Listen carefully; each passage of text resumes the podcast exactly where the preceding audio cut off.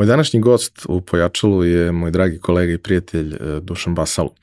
Mi smo njega pominjali u nekim od prethodnih epizoda, neki od gostiji su ga pominjali kao vrlo važan deo njihovog ličnog i profesionalnog razvoja, jer je on jedan od ljudi koji su pokrenuli Uniju srednjoškolaca Srbije i e, celu tu priču o školskim parlamentima. Ali njegova karijera je vrlo interesantna, od klinca koji je trenirao košarku i koji je video sebe u košarci, do toga da postane jedan od najcenjenijih konsultanata i, a, mogu slobodno da kažem start-uper, pošto ovo što trenutno radi je nešto što podsjeća na startup. Suštinski Dušan se poslednjih pa skoro 20 godina bavio ljudima i njihovim ličnim i profesionalnim razvojem. A, šta njega kvalifikuje da se time bavi, ja, ja vam kažem da zaista ima osnova i razloga. Čućete u ovoj epizodi, čućete i mnogo toga zanimljivog i interesantnog i verujem da ćete uživati. Realizaciju ove epizode podržala je kompanija Epson, koja je vodeći proizvođač projektora i štampača za sve namene, od kućne i kancelarijske upotrebe do profesionalnih uređaja koji se koriste od maloprodaje do industrijske proizvodnje. Već 20 godina u nizu proizvode najbolje projektore na svetu, a prvi štampač napravili su pre više od 50 godina. I dan danas svaki godin ulože preko pola milijarde dolara u istraživanje i razvoj novih proizvoda sa fokusom na održivo poslovanje i očuvanje životne sredine. Upravo zahvaljujući tome, njihovi inkjet uređaj najnovije generacije prave 94% manje zagađenja od konkurencije uz maksimalan kvalitet otiska.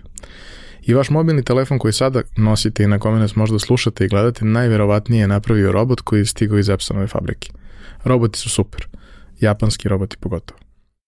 Za slučaj da želite da nas podržite vi individualno, uh, možete da posetite link u opisu podcasta na platformi Buy Me a Coffee i tu možete kupiti mesečnu pretplatu ili jednokratno donirati neki jednost koji želite. Hvala vam unapred na tom.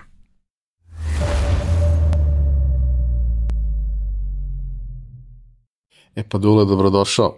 E, nekoliko puta si već bio pomenut ovde, pa je red bio i da te dovedem, da ljudi vide da ti zapravo postojiš, da ti nisi nekakva, ovaj, nekakav duh, nekakva siva eminencija, nego naš kolega i prijatelj sa kojim vrlo rado sarađujemo, koji ima svašta nešto čudno da ispriča o svom životu i svom razvojnom putu. Tako da još jednom dobrodošao. Hvala puno i o, znam da je ono red da se kaže o, hvala na pozivu, zadovoljstvo je, ali stvarno je veliko zadovoljstvo, posebno znajući ko je sve bio gost do sada i o čemu se sve pričalo, tako da mi je jako, jako drago da sam ovde. Glavno pitanje od koga uvek počinjemo, naše mančmelo pitanje, šta ste da budeš kad porasteš? Vatrogasac vatrogasac ovaj, i to postoji jedna interesantna priča kad je u obdaništu bila neka vežba da li su deci da nacrtaju šta žele da budu kad porastu i sad deca su crtala neki vojnike, neki avione da budu piloti i tako dalje mene su poslali kod e, nekog dečeg psihologa da malo obavi razgovor sa mnom jer sam ja nacrtao kuću koja gori. I onda je bio strah e, pre svega vaspitačice da nije želja moja bila da, da postanem piroman. O, ja samo nisam znao i ne znam ni dan danas da nacrtam baš figuru čoveka kako treba i onda je to bilo kuća koja gori. Tako sam imao taj neki ovaj, razgovor koga se onako kroz maglu sećam i dan danas ali smo otklonili sve sumnje. Tako da, vatrogasac, e, nisam postao u pravom smislu te reči, ali s jedne yes, strane yes. i jesam, tako je. Dakle, nekako imam osjećaj da često gasim požare ovaj, pre svega kod klijenata sa kojima radimo, da je to nekako opredeljenje i moje životno i profesionalno, tako da sam do nekle ispunio eto, svoju želju iz detinstva. A kako se to menjalo kroz vreme? Prvi, prvi put ono, kad kreneš da razmišljaš o tome, to se veže za te neke simbole koji su ti interesantni. Mm. I baš smo to pominjali ovde, jako često su to neka, neka zanimanja sa, sa nekakvim ovaj, uniformama, jer je to vrlo koloritno i svi to negde volimo, da li policija, vojska, lekari, vatrogasci, nešto tog tipa, o, piloti, ne daj mm. Bože nikom, ovaj, ali uh, kasnije, ono, krećemo nekako da se pronalazimo u nekim stvarima i povuku nas. Povuku nas i, i neke stvari i neki ljudi mm -hmm. i e, neki ljudi koji nam upale neke lampice, pokažu nam neka vrata, pokažu nam neke stvari koje su, koje su neobične i to kreće obično negde tokom osnovne škole. Prvi put se susrećeš sa takvim stvarima, iako ne znaš šta one znače i gde će da te odvedu, ali prvi put se sa tim susrećeš zapravo tokom osnovne škole. Kako je u tvom slučaju to izgledalo? Pa e, ja sam rođen i odrastao u, na uglu Takovske 27. marta. Uh, I to je jedna raskrsnica gde prolaze raznorazna vozila. Dakle, prolaze i trolebusi, autobusi, i vatrogasna, i policijska, i hitna pomoć. I čak prolazi ovaj naš polumetro, prolazi tu ispod, tako da se oseti kada prođe. I čuje. I čuje se. Um, I onda nekako se menjalo sa tim. Mislim da i ta želja da, da postane vatrogasac bila je su često tu da prolazila ta vatrogasna vozila koja su bučna, dinamična, ostavljaju utisak, pa sam neko vreme hteo da budem vatrogasac, pa sam onda hteo da budem na ovaj vozač e, autobusa, to je isto bilo onako jedno vreme obsesija, pa bilo je tu i neki faza da su mi bila fascinacija ova đubretarska vozila i tako dalje, a to je verovatno kod većine dece. Međutim, kasnije pošto je moja osnovna škola Vuk Karadžić odmah preko puta bila, tu su bila ne, ne, nekoliko košarkaških igrališta i to je to. To je bilo usmerenje. Ove, ovaj, ja sam uh, bio opčinjen košarkom kao sportom, futbol me nikad nije privlačio i dan danas uh, pokušavam da nađem smisao i fascinaciju u futbalu, a košarka mi uvijek bila nekako onako gospodski, smislen sport, intelektualni to je meni nekako rezonovalo. Uh, I ja sam igrao košarku vrlo aktivno, igrao sam u Beovuku koji je tada trenirao u Vuku Karadžiću i dan danas moj sestrić ovaj, trenira u, u Beovuku na istom mestu posle 20 kusur godina i, i to je bilo onako prva neka transformacija u tom trenutku. A u tom periodu, mi smo tu negde, malo si stariji od mene, ali, ali ne mnogo, u tom periodu i uh, oni spoljni tereni su bili jako dobri, ja sam Tako dolazio je. iz drugog kraja koji je bio relativno blizu i celo leto u Vuku igrao košarku zato što je to bilo značajno bolje, a mi smo, kažem, cela moja generacija je bila stvarno jako, jako talentovana i dobra i jako smo lepe rezultate imali i želeli smo da se negde nadmećemo na nekom malo višem nivou. Uh, a taj moment sa Beovukom, mislim da sam to možda jednom pričao, ako i nisam pojačalo, pričao sam s nekim ljudima pre i posle toga, ali taj moment gde ti, ti si jako dobar i igraš i pobeđuješ i sve to i mi smo bili u jednom trenutku ovaj, sa osnovnom školom, na onim školskim takmičenjima, ne klubskim, ovaj, prvaci Beograda, gde smo dobili e, školu Vasa Pelagić iz Koteža, koja je u svojoj prvoj petorci imala četiri momka koji su igrali u Beovuku i bilo u reprezentaciji. Mi smo ih dobili na njihovom terenu, to je, to je bio spektakl od utakmice i spektakl od batina. Ovaj, ja sam tada upoznao jednog momka koji se zove Miloš Lazić, nadam se da se zove i dalje, nismo u kontaktu, koji je bio naše godište i bukvalno kada sada razmišljamo o tome 20 i kusur godina kasnije, to je bukvalno izgledalo kao Luka Dončić između svih nas. I ti ga gledaš pošto se isti dan igraju četvrt finale, polufinale i finale, ko dođe do, do finala, ti ga gledaš kod četvrt, kroz četvrt finale i polufinale i vidiš da nemaš ništa da uradiš. Apsolutno ništa ne možeš da uradiš. Znači, mo možeš da ga biješ do neke granice, mm. ali i to nema nikakvog efekta.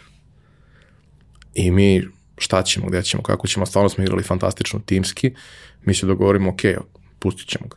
Znači, ne, ne možemo ništa. Ok, čuvat će ga najbolji defanzivac, nije, nije sporno, ali neko on da svojih 40, niko drugi neće da ništa i to je to. I mi smo bukvalno tako uspeli da, da ih dobijemo, ali gledati, gledati njega na terenu je bilo neverovatno. I pošto je on trenirao u, u Beovuku, uh, ja sam to celo leto sledeće proveo tu na otvorenim terenima i povremeno sam išao na, na, na njegove treninge, pošto me je zvao, postali smo, ok, ono, prijatelji i drugari i sve, međutim to je bilo pre društvenih mreža mm. i svega. On je to leto sa porodicom napravio dogovor da ode u Grčku sa svojih 15 godina. U neki klub više se ne sećam koji. Uh, naravno, tri meseca kasnije prvi put povredio prednje ukrštene, pa godinu dana kasnije drugi put i mislim da I to nikad to. nije zaigrao ozbiljnu košarku, mm. ali to kako je izgledalo gledati njega i sve te ostale momke u tom trenutku u Beovuku, to je bukvalno bila reprezentacija tog uzrasta. To je jednostavno, jednostavno bilo neverovatno i taj moment gde ti po prvi put skapiraš zapravo da jesi ti dobar, jesi ti dobar. Timski ste vi jako dobri jer znate gde ko nalazi kako ko diše. Ali ima neko ko je toliko bolji od tebe da sad prestane da trenira, da ti treniraš narednih 10 godina, ti ne možeš da stigneš to gde je on sad. I onda shvatiš, volim ja ovu košarku, ali nikad mm. se ja neću baviti njom. Da.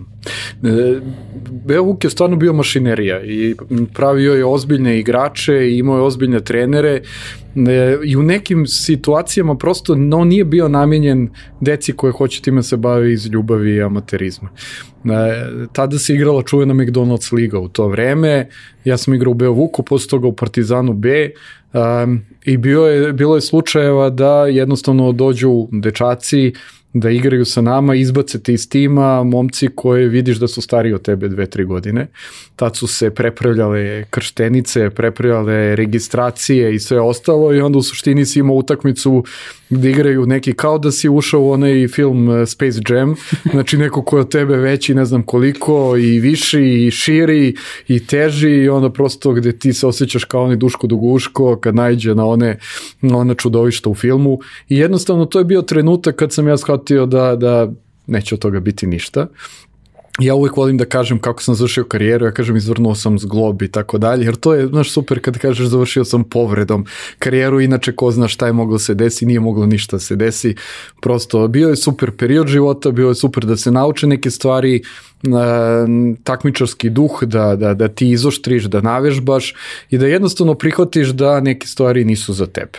I to je onako bilo i, i bio moj najveći nauk. Ja sam u to vreme bio uh, je od najboljih učenika u generaciji, tako sam i završio školu i to je bilo onako istovremeno e, jedno opterećenje jer moraš da držiš taj tempo, kad kreneš u taj tempo onda nekako očekuju se od tebe i roditelji i društvo i na, nastavnici i jednostavno je bilo lakše da se prešaltam na to i plus ono što se pojavilo tamo neke 96. kad sam ja bio 5. 6. razred, to je prvi kompjuter. To je 286 koji sam dobio na poklon i to je otvorilo potpuno neki drugi, drugi svet ja volim da kažem, tad je bilo lakše, znaš, pratiti, imao si 286-icu, pa 386, pa 4, pa Pentium, pa Pentium dvojku, i onda si znao ko ide iza kog ja, Onda su se da. desile sve one varijante K5, K6, yes. K7, yes. Cyrix i sve yes. ostale varijante koje kupuješ kad nemaš para da kupiš yes. Intel jer nemaš para da kupiš Tako Intel. Tako je, varijacija pa nikad ne znaš ovo je bilo, imaš 36-icu, ja svaka čast ja imam 286-icu, znači to je bila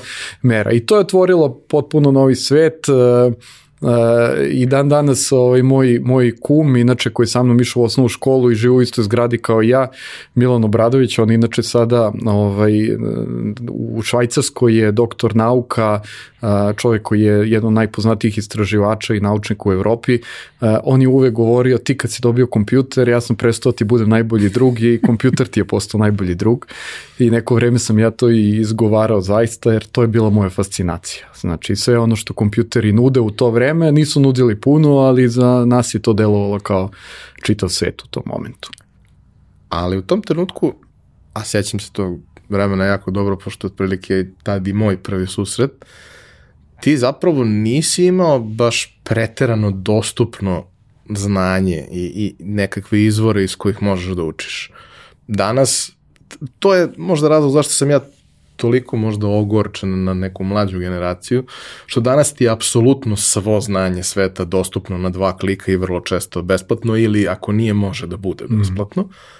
i ti to ne koristiš, A mi smo išli, fotokopirali knjige, krali, ono, uh, išli na, na, na varijante da ono, jedan kupi časopis, pa onda nas 46 pročita taj časopis i iz njega uradi sve primere, bavili se hiljadu jednom, hiljadu jednom varijantom da, da ono, dođemo do nečega, što je sad bukvalno na dva klika od nas.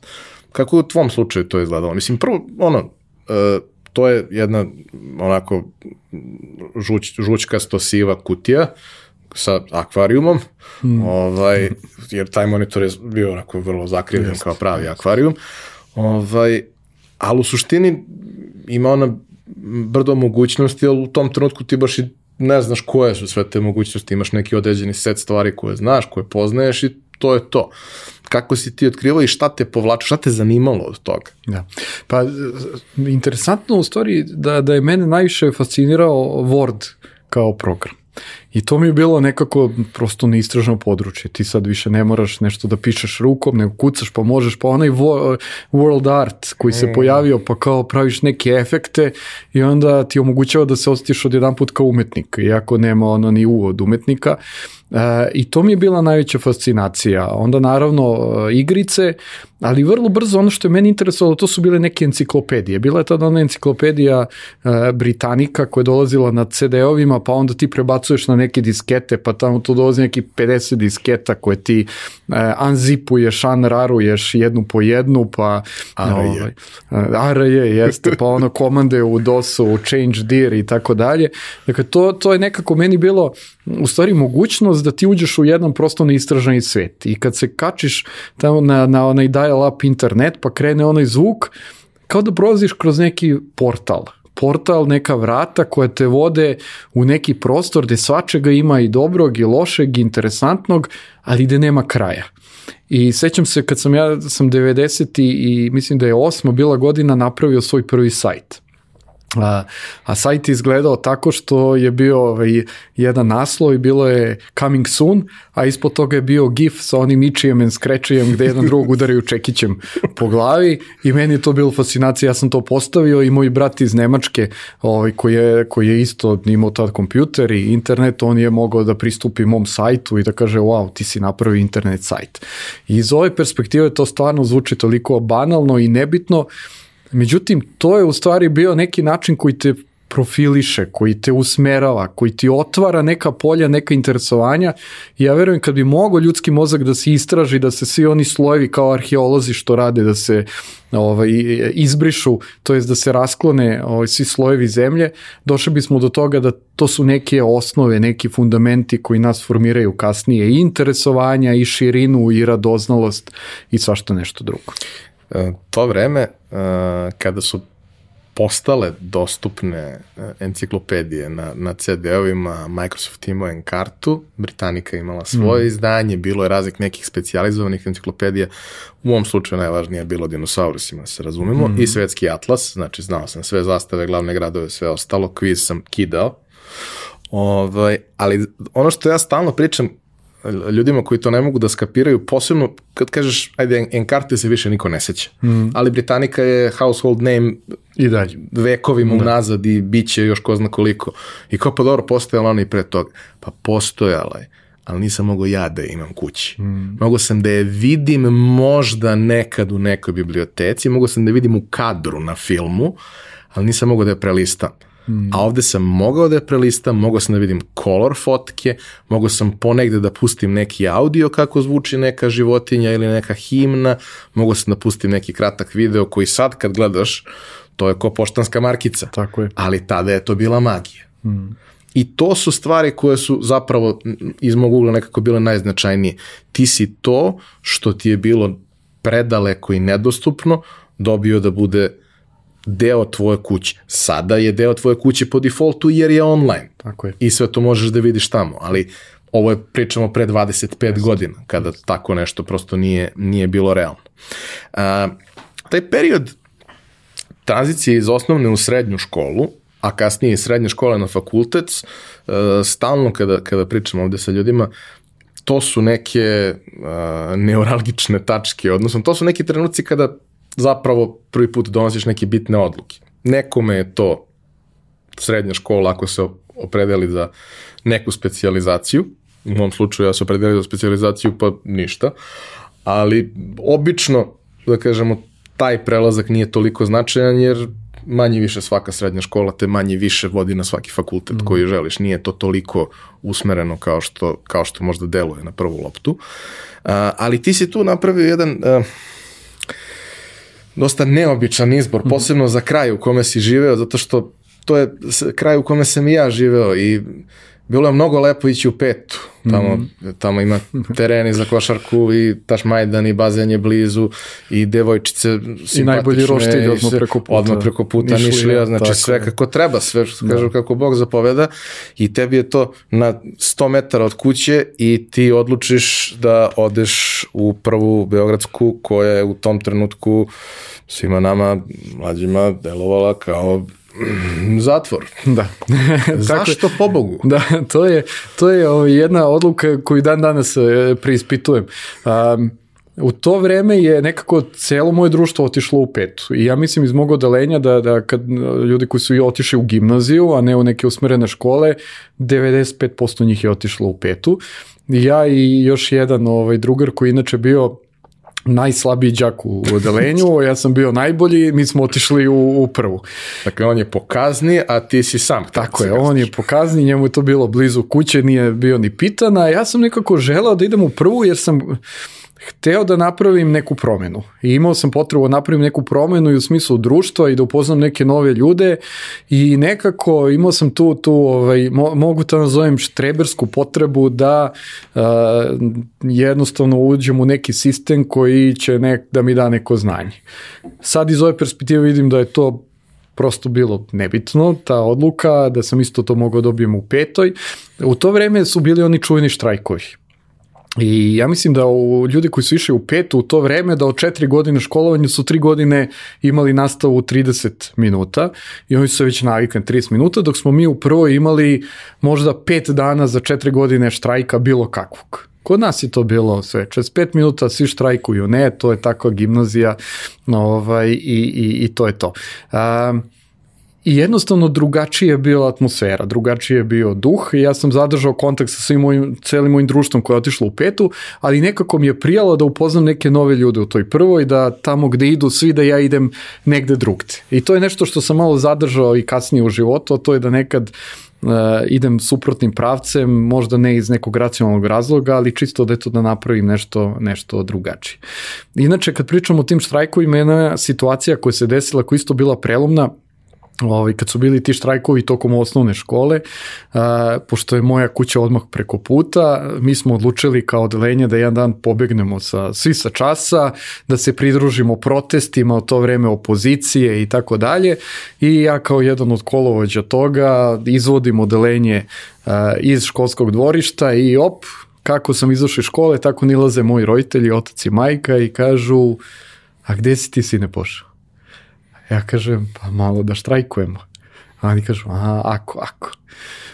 I mi nastavimo. A protiv čega ti to da štrajkuješ? o, ništa, i nisu to pitali, ali ovaj, to je, kad, kad sam došao kući nakon te šetnje po celom gradu i štrajka, bilo je čuvena rečenica, sedi sine da malo porazgovaramo i onda naravno krenu poruke ovaj, pedagoškog tipa i tako dalje. I moguće da i to uticalo na tu moju odluku da odem u prvu jer mi je bilo taj dan dosta protesta i štrajkova za ceo život ovaj, da i tekako sam tada platio cenu svega, svega toga i tog potisa. Ali e, prva gimnazija je bila jedan čudni miks, tamo su bile prirodno-matematički i društveni smer, ja sam otišao prirodno-matematički, opet jedna iracionalna odluka, jer meni društvene nauke više odgovaraju. Um, potpuno različiti ljudi. Društveni smer, cool ljudi, vole da se zezaju, da se provode, prirodno matematički više štreberski deo, onako ozbiljni i cela ta gimnazija sa različitim profesorima, različitog tipa, oni koji su išli u prvu znaju ono ekstreme, od profesora koji su super, usmereni na, na ono znanje, ali da to stvarno pruže na jedan super zanimljiv način, do oni koji su old fashion, onaj stari stil profesora koji nema četvorke, je izuzetak, petica ne postoji i to je ovaj, sve, ovo ostalo se rasporedite ko će dobije jedinicu, dvojku i trojku.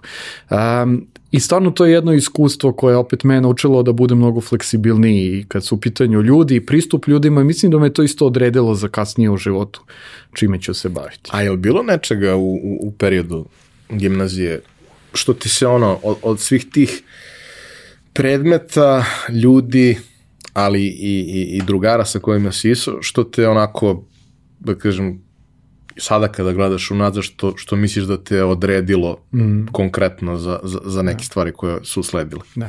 Ima jedan primjer, kad sam spominjao Beo Vuk onda i kad sam spominjao to da su igrali momci koji su stariji godinu u dve dana, registruju se da su tvoje godište, to je bio prvi osjećaj onako baš nepravde gde, gde ti nekako ne možeš mnogo nešto da uradiš. Nešto nije fair, nije korektno, ali ne, ne možeš mnogo da promeniš. E, sećam se situacije u gimnaziji, ovaj, tad se pojavili prvi mobilni telefoni, i to je bila neka 98. 99. godina ovaj, pre, pre bombardovanja i onda je prvi mobilni telefon bio ona velika Motorola, ali znači to je, i šta je bilo interesantno, mogo si da primaš SMS-ove, nisi mogao da šalješ SMS-ove, to, ni dan danas ne znam zašto je to tako bila funkcija, I ovaj, kao pager. Kao pager, da, da, kao pager, samo mnogo veći pager. I znam da, da tada sam ja doneo taj neki telefon u školu i mi smo, ovaj, svi su naravno hteli da vide šta je to, kako je to čudo i tako dalje. Ovaj, I tadašnja razredna profesorka francuskog jezika je nekako primetila to i na odmoru da mi to gledamo i ona je na času pikirala mene izvela me ispred table i rekla donesi mobilni telefon. A, i optužila me da sam ja na času koristio, nisam, ali je to bila ovaj, očigledno u tom trenutku malo očigledno, neka vrsta zavisti ili ne, neke ljubomore ili ne znam šta je bilo u pitanju i ona oduzela taj telefon i rekla nek se roditelji jave pa će onda moći da ga da preuzmu. I sad taj osjećaj još jedan, to mi je ostalo evo i dan danas u sećanju ovaj, kao nepravda jedna, znači nešto nisi uradio, imaš neku silu koja je iznad tebe, neku moć, autoritet, i ne možeš da promeniš ništa. Znači moraš da prihvatiš. I ja sam tada, ovaj, to je bio prelomni trenutak, to je bilo u prvoj, prvoj praktično ovaj, godini gimnazije i to je bio prelomni trenutak kad sam ja od učenika koji je nizao sve petice, najbolji, jedan najbolji bio u odelenju, kad jednostavno su, sam ja digo ruke od formalnog školovanja, tog tipa. I tog trenutka me nije zanimao više ni uspeh, ni odličan, ni vrlo dobar, počeo zanimaju druge stvari, ovaj, jednostavno sam shvatio da je tu više pitanje forme i nekog autoriteta i formalnog sistema nego neke suštine. I to je bila velika promena za mene životna, ovaj, taj prelazak, naravno posebno za moje roditelje, um, ali mislim da je to pomoglo u velikoj meri za kasnije. E, ali uh, taj neki period i jeste period kada zapravo prvi put donosiš neke važne odluke u životu i daješ sebi uh, usmerenje šta će biti dalje. Mm. To možda se menja i kod mnogih od nas se menjalo kroz vreme, ali u principu tad prvi put donosiš neku odluku. Išao si u gimnaziju, dakle nastavio si osnovnu školu, samo malo, malo tako, teže i sa više zlostavljanja. ovaj, ali u suštini nastavio si ono što si radio najopštije moguće, imaš neko opšte znanje, super si kao sagovornik i kad treba da se rešavaju ukrštene reči, ali osim toga i kviz da budeš pomoć prijatelja, ali osim toga nema to neku mm. upotrebnu vrednost u životu. Ali treba naći nešto što ima upotrebnu vrednost, treba naći sebe u, u, u nekom sistemu i mesto za sebe i za svoje neke vrline, a mesto koje možda ne ističe naše nedostatke, uh, kako si se ti tražio i gde si se našao? Da. A, ja sam te možda dve godine, treću, četvrtu godinu gimnazije stvarno se jako puno tražio i nisam se osjećao baš ni dobro u smislu šta ću dalje, nije bilo ideje. Znaš, ono, približava ti se trenutak, treba upišeš faks, a ti si tabula raz. Nemaš nikakvu ideju. I onda prva asocijacija šta da upišeš, pa ili pravni ili fon. Znaš, to je ono opšto usmerenje. To je kao nastava gimnazija. ili pravni ili fon, e, ti ide matematika, ide ekonomski. Ekonomski, onda možeš, ali gledaš ono koji, koji smer. Um, I u tom trenutku uh, sam ja, ne, ne znam se ni kako, završio na jednoj tribini u okviru škole, gostovala ekipa iz tadašnjeg Evropskog parlamenta mladih. Oni se zvali, to je bilo neko, neki NGO udruženje građana. Ja sam završio na toj nekoj tribini, mislim da sam otišao zbog neke devojke, verovatno, na, na tu tribinu, zašto je ona išla. Uh, I oni su predstavili taj neki kao aktivizam, nešto organizuju neku konferenciju, pa dolaze neki stranci, mladi iz čitave Evrope, pa neka kao debata, kao debatni klub u okviru toga simulacija modela rada Evropskog parlamenta. Sad ništa od toga me nije previše zanimalo, ali mi je zvučalo onako, wow, postoji neki svet koji je van ovog formalnog školovanja i van kompjutera. I nešto tu se radi, neke veštine, nešto diskutuješ, debatuješ. I ja sam krenuo na to i to je bio isto prelomni trenutak. A, ja sam se aktivirao u tom Evropskom parlamentu mladih, učestvo u organizaciji te konferencije a, u, na Starom dvoru koja je bila a, pa sam bio jedan od proglašen za jedan od najboljih tih delegata po načinu debatovanja, argumentacije, dobio neku nagradu da idem na Brisel na taj evropski skup Evropskog parlamenta mladih i tako dalje. I to je bio trenutak gde sam ja u stvari video šta ja to umem i šta ja to želim. A to je da nešto organizujem, da radim s nekim ljudima, da ih okupljam, da ih usmeravam, da ovaj, razgovaram sa njima, da radim neki networking. I evo sad kad pričamo o ovome, bukvalno je preslikano sve ono što radim danas. A, I ja sam krenuo tim putem praktično tog omladinskog aktivizma, ajde tako da ga nazovemo.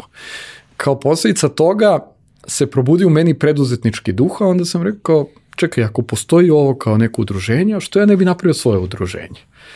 I sa svojim prijateljem Stefanom Mandićem Rajčevićem, koji inače je doktor nauka i doktor medicine, ovaj, sam rešio da oformim jedno srednjoškolsko udruženje. Mislim da je tvoj gost od, od pre nekog vremena Ivan Lajković da je pričao o tome dosta ovaj, on je bio važan deo tog, tog udruženja. Mi smo odlučili da registrujemo neku udruženje srednjoškolaca koliko nas, pitali smo koliko treba se registrati za udruženje, oni su rekli 10 je zakonski minimum, mi smo rekli, u, super, ajde mi par drugara okupimo i da registrujemo.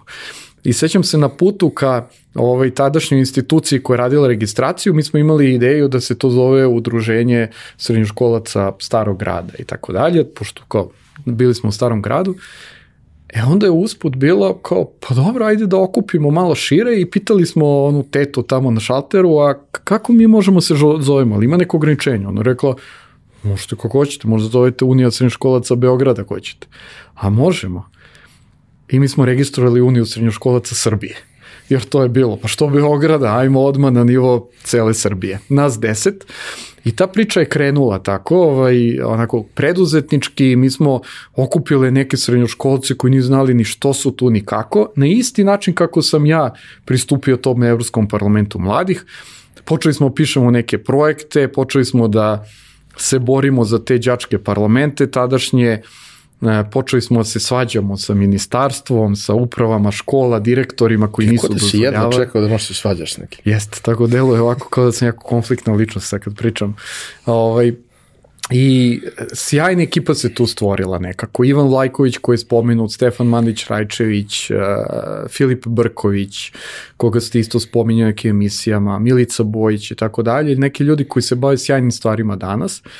I meni je stvarno drago što to udruženje postoji i dan danas i okuplja preko 400 i nešto škola u Srbiji i oni pojma nemaju ni ko sam ja, ni ko je Stefan, ni ko je cela ta ekipa, a eto mi smo te 2003. godine pokrenuli to udruženje i imamo nešto što stoji dan danas i, i što i tekako ima uticaja u Srbiji. E, kaži mi samo jednu stvar, znači, ok, formiranje toga, inspiracija je došla iz iskustva koje si, koje si stekao kroz prethodno svoje angažovanje, ali um, sve vreme pominješ negde taj deo rada sa ljudima, mm. uh, vođenja ljudi, upravljanja ljudima. Um, u principu, danas ako pričamo o tome, danas i imaš ponegde da se obrazuješ za tako nešto. Mm. Ali u vreme kada si ti počinjao da se baviš time, uh, obrazovati se za to uh, na nivou potreba uh, ovog ili makar prošlog veka nije baš bilo uobičajeno dostupno i tako dalje. A da bi to imalo neki rezultat, prosto osim samo energije, želje, drajeva koje, koje ljudi imaju, treba da postoji neki know-how. Mm. Odakle? Um, od nekih sjajnih ljudi. I to mi je bilo, upravo kao što si rekao, tad nije, nije bilo literature, to dakle da čitaš, ti ne znaš ni šta je liderstvo, šta je pojam liderstva. Mi smo onda okupljali neke ljude koji su time počinjali da se bave u to vreme. I to je ti, taj period 2003. 2006 je vreme kad se pojavili prvi soft skills treneri ili treneri tih mekanih, životnih, profesionalnih veština, kako god da nazovemo. Jedan od prvih tih trenera i, i moja mentorka i prijateljica uh, i direktorka kasnije moja je, je Dragana Tomić koja je završila to u Italiji, u Trentu i onda sam ja nju pozvao i rekao, ajde napravi neke te radionice tvoje, ti nešto tu radiš, nekoga obučavaš nešto, nečem pametnom pričaš, ajde napravi za nas. I ona je napravila te radionice za nas, mislim da su to bile možda među prvim radionicama u, u Srbiji u to vreme koje se zvale veštine komunikacije, rešavanja konflikata, pregovaranja, lobiranja i tako dalje. I meni je to bila fascinacija, zaista. To mi je bilo wow. Znači, imaš neko znanje, imaš neke veštine koje su ti potrebne šta god radio. Da li ti bio prodavac ili bio direktor ili bio, ne znam, službenik u, u banci, tebi je to potrebno. Um, I ta fascinacija u stvari utica na to da ja uđem u taj svet, da počnem ja da držim neke obuke. Prvo sam se vežbao na tim svojim članovima Unije Sremškovaca Srbije, to mi je bilo ono, safe ground, pa sam s njima radio neke te treninge, kasnije sa studentima u okviru ISEC-a i tako dalje, a onda ovaj, 2006. godine sam držao prvi ozbiljan trening i to iz ove perspektive gledano potpuno nešto iracionalno što nikad ne bi ponovio. Ja sam sa 23 godine držao trening za top management kompanije Fricom iz, gle čuda, menadžerskih veština. E, odlično. Da.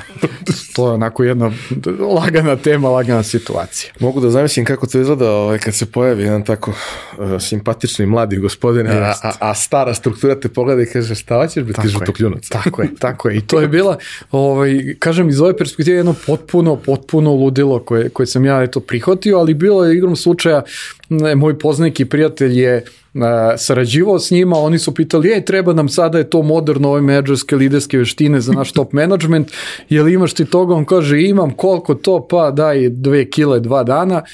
I, ovaj, I on je pozvao mene i rekao, kaže, ja znam da ti ti me baviš, da ti držiš. Ja sam rekao, hoću. I Ajde ti vidi ono nešto tvoje. Ajde vidi ono, da, da, ajmo mi opet ovo naš.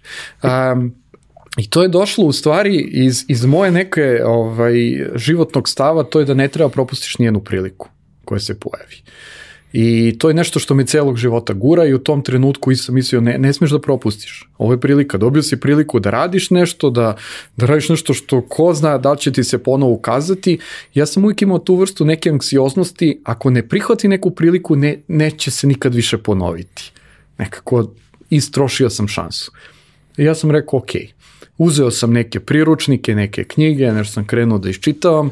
Ja sam pripremio trening, pričemu ta struktura stvarno u tom trenutku je bila vrlo zahtevna, to su među tim ljudima je bilo nekih onako direktora mm, iskusnih, starijih, Starog koji su kova. imali jeste onako malo otpora.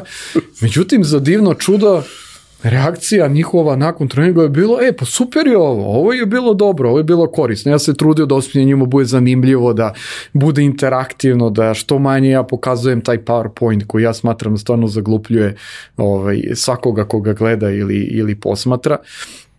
I tad je bilo onako, wow, ovo može, ovo radi. I to je bila isto jedna prelomna tačka u stvari e, karijere gde, gde sam ja onda krenuo te, te vode držanja obuka i treninga.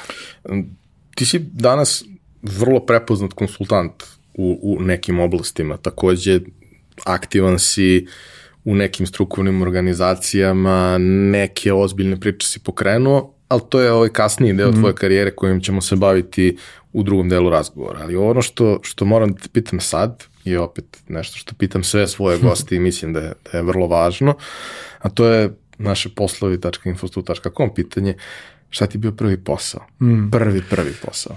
Uh, ajmo ovako, prvi, prvi, prvi posao gde sam zaradio novac je bilo pravljenje sajta za pozorište Dadov. Uh, to je ovaj to je prvi honor, sećam se 50 DM-ova ili Deutsche Maraka i ovaj, napravili smo sajt gde je bilo osnovi neki logo koji je imao neku animaciju koja se tako rasla, ovako otvoriš sajt, a onog podišta da onda raste, raste ovako, neko se uplašiš što to preraste ceo ekran, ta animacija. ovaj, I imao je drugu stranicu koji je bio mesečni repertoar. I onda meni to bilo interesantno pravim sajt, ali nije mi bilo interesantno mesečno da updateujem repertoara, bilo je još 15 maraka je bilo svaki mesec samo da postavim dokument novi repertoar. Ja to nekako nisam baš redovno radio i tako sam izgubio prvi posao posle jedno dva meseca od kreiranja, kreiranja sajta. Um, I šta je recimo interesantna isto priča, um, taj honorar um, prvi honorar koji sam dobio, e, ja sam uvijek 90. teško stanje, nije se imalo puno novca i onda uvijek meni bila želja kad zaradim prve svoje pare, šta ću da uradim, ja ću prvi put u životu da se najedem u McDonald'su to je bio onako indikator meni, znaš, kaže, najšću su me, kupit ću sve što mogu pojedem i prvi put u životu ću se najsti, jer uvijek do tada je bilo, znaš, kupiti roditelji onaj jedan cheeseburger, Big Mac, a ti biš jedan, ali znaš, znaš da je to skupo i onda glupo ti da pitaš i tako dalje. Ja se sećam sa tim uh, 50 maraka iz pozorišta Dadov tamo koje je kod bulevara, ja odem ovaj, u Mek na terazijama, pokupujem Naravno. dva Big Maca, dva cheeseburgera, pomfri, ne znam šta sam ja se uzeo i sa tom kesom krenem kući 27. marta da jedem. Međutim, sretnem jednog drugara na pola puta tamo kod pete gimnazije blizu i mi se zapričamo. I ja sa tom kesom posle nekih 50 minuta dođem kući da uživam, da se najedem. Pa mogu samo reći da to iskustvo ovaj, te hladne hrane i, i ovaj, iz meka posle nekog vremena da nije bilo ostvarenje sna kako sam ga ja zamišljao u tom, tre, u tom trenutku. Ovaj, bilo onako prilično, prilično razočarenje. A prvi pravi posao, u stvari pravi, da sam ja počeo da, da, ovaj, da, da budem um, prijavljen, tako, i se desio stvarno ono igrom slučaja, moj prijatelj je radio u strategic marketingu tadašnjem i, ovaj, i mene je tada bilo, aha, da li marketing, da li ove obuke, da li ne znam nešto treće, ja kažem njemu, ej, jel bi ti mogo me dovedeš jednom na tvoj posao, samo da vidim šta se radi, neka marketinška istraživanja i tako dalje, on kaže, ma može, doći. I znam da je bilo nekih dva sata ovaj, popodne, ja sam došao kod njega tamo, ovaj, tad se zvala Zagrebačka ulica, uh, I oni mene uz, rekao kao, e, sad ću ja da te sprovedem, odveo u neku kancelariju, tamo je gomila ljudi selo nešto za kompjuterom ovaj, kucala, bila je neka šefica, znam se zvala Duška, i on rekao, Duška, ovo je Dušan, evo, sad će Duška da te uputi u sve što je potrebno. Ja rekao, aj sad će ona me i da objasni o čemu se tu radi, šta oni rade, ja ću za sat vremena da odem kući. Sledeća scena, ja izlazim 7 sati kasnije, zaposlen sa potpisanim ugovorom, a, sa smenom gde se očekuje da dolazim sutra opet u drugu smenu od 3 sata i da radim neki do 9 ili 10 uveče i ja sam onako na brzinu postao unosač anketa za u marketingu. I to mi je bio prvi posao. Ni kriv, ni dužan, ni, ni, ni zainteresovan, ali kao ok, tu si, gde si, ajde. Sedi čuk. Sedi čuk. I sutradno dolazim prvi posao i ovako ispred mene stavljaju, kako ono u boljem životu kažu, ono tinejdžere, one predmete, predmete stari od 10 godina, to je ovako jedna gomila anketa ovako, koji su na albanskom jeziku. Anketa, znam, tad su bili, mislim da je bilo za, za, ovaj, za sokove, ne, sad da, da ne lupim koja je bila marka sokova, i ankete na albanskom gde ti u onom SPSS u nekom programu ukucavaš ono, aha, ovo je jo, po, jedinica, dvojka, ti nešto onda kad vidiš komentar onda moraš da prekucaš, ali slovo po slovo. I ja završim čitavu smenu gde sam ja ukucao pet tih anketa, a ovaj pored mene lik ukucao celu gomilu, spakovao se i dva sata, poslednja sedi ovako i ništa ne radi. On je svoju normu ispunio i neće uopšte da se zamara, nema potrebe više, on je minimum. Ovaj, ja sam ja, ok, kako ja sad ovo da ubrzavam, malo sam krenuo da gledam njega šta on to radi i on sam ja video da on u stvari svaki drugi komentar on preskoči. On svaki drugi unese, svaki drugi preskoči, čim vidi da nešto ne, ne može protumači, on to iskulira i to niko ne proverava. I on sam u stvari krenuo da to zove modelovanje, da pratim, da vidim koje su najbolje strategije. A onda sam ovu drugu video, ono uzme i zalepi selote panketu na monitor uh, i onda odma to ukucava, znači ne gleda dole pa prekucava. A, vidiš, ovo ima smisla. I posle neke tri nelje ja sam postao rekorder u tom odelenju po brzini unošenja anketa i to je bilo ono kao meni, wow, završiš tri sata ranije, sednem, ništa ne moram da radim, prekrstim ruke, jedno i po sat treba bude dosadno, jer ti ne možeš da odeš kući. Onda kažem, ajde još malo da unosim i tako dalje. I sećam se prva plata, ovaj, tadašnjoj, e, tam mislim da je bila još Beobanka, to treba otvoriš račun da primaš platu. Wow. Znači ja dođem, u, firmu, oni kažu uplaćena ti je plata, evo ti je listić. A oni su ovako seckali, da, ovako da. malu tračicu, broj sati. Na, za glasanje. Je, za glasanje, ono, još manje, ovako miniaturno broj sati, broj cena po satu i tako dalje. I Inače, moja majka i dan danas, ja mislim da čuva tu tračicu negde, ovaj, to je njoj onako, ako nije istrulila taj, taj papirić, pošto ima sad 20, 20 godina i skoro od toga. I ja znam, da sam podigao tu platu i sam bio, bio fasciniran, wow, zaradio si neku platu, ovo je tvoje, nešto si dobio. Um, I svaki put kad sam išao na posao, znam da sam razmišljao i računao koliko ja treba da radim u određenoj jedinici. Uvijek mi je bila ideja da preračunam, a jedinica mere mi je bila pljeskavica kod Nišlije. I sad nekako dok ovo pričam, očigledno postoji ta neka veza između o, i mojih poslova i mojih plata i, o, i hrane, da, da je interesantna taj neki relacija. I ja sam računao i sećam se da sam računao da mi je potrebno za, za jednu pljeskovicu kod Nišlije uh, 1,6 sati rata.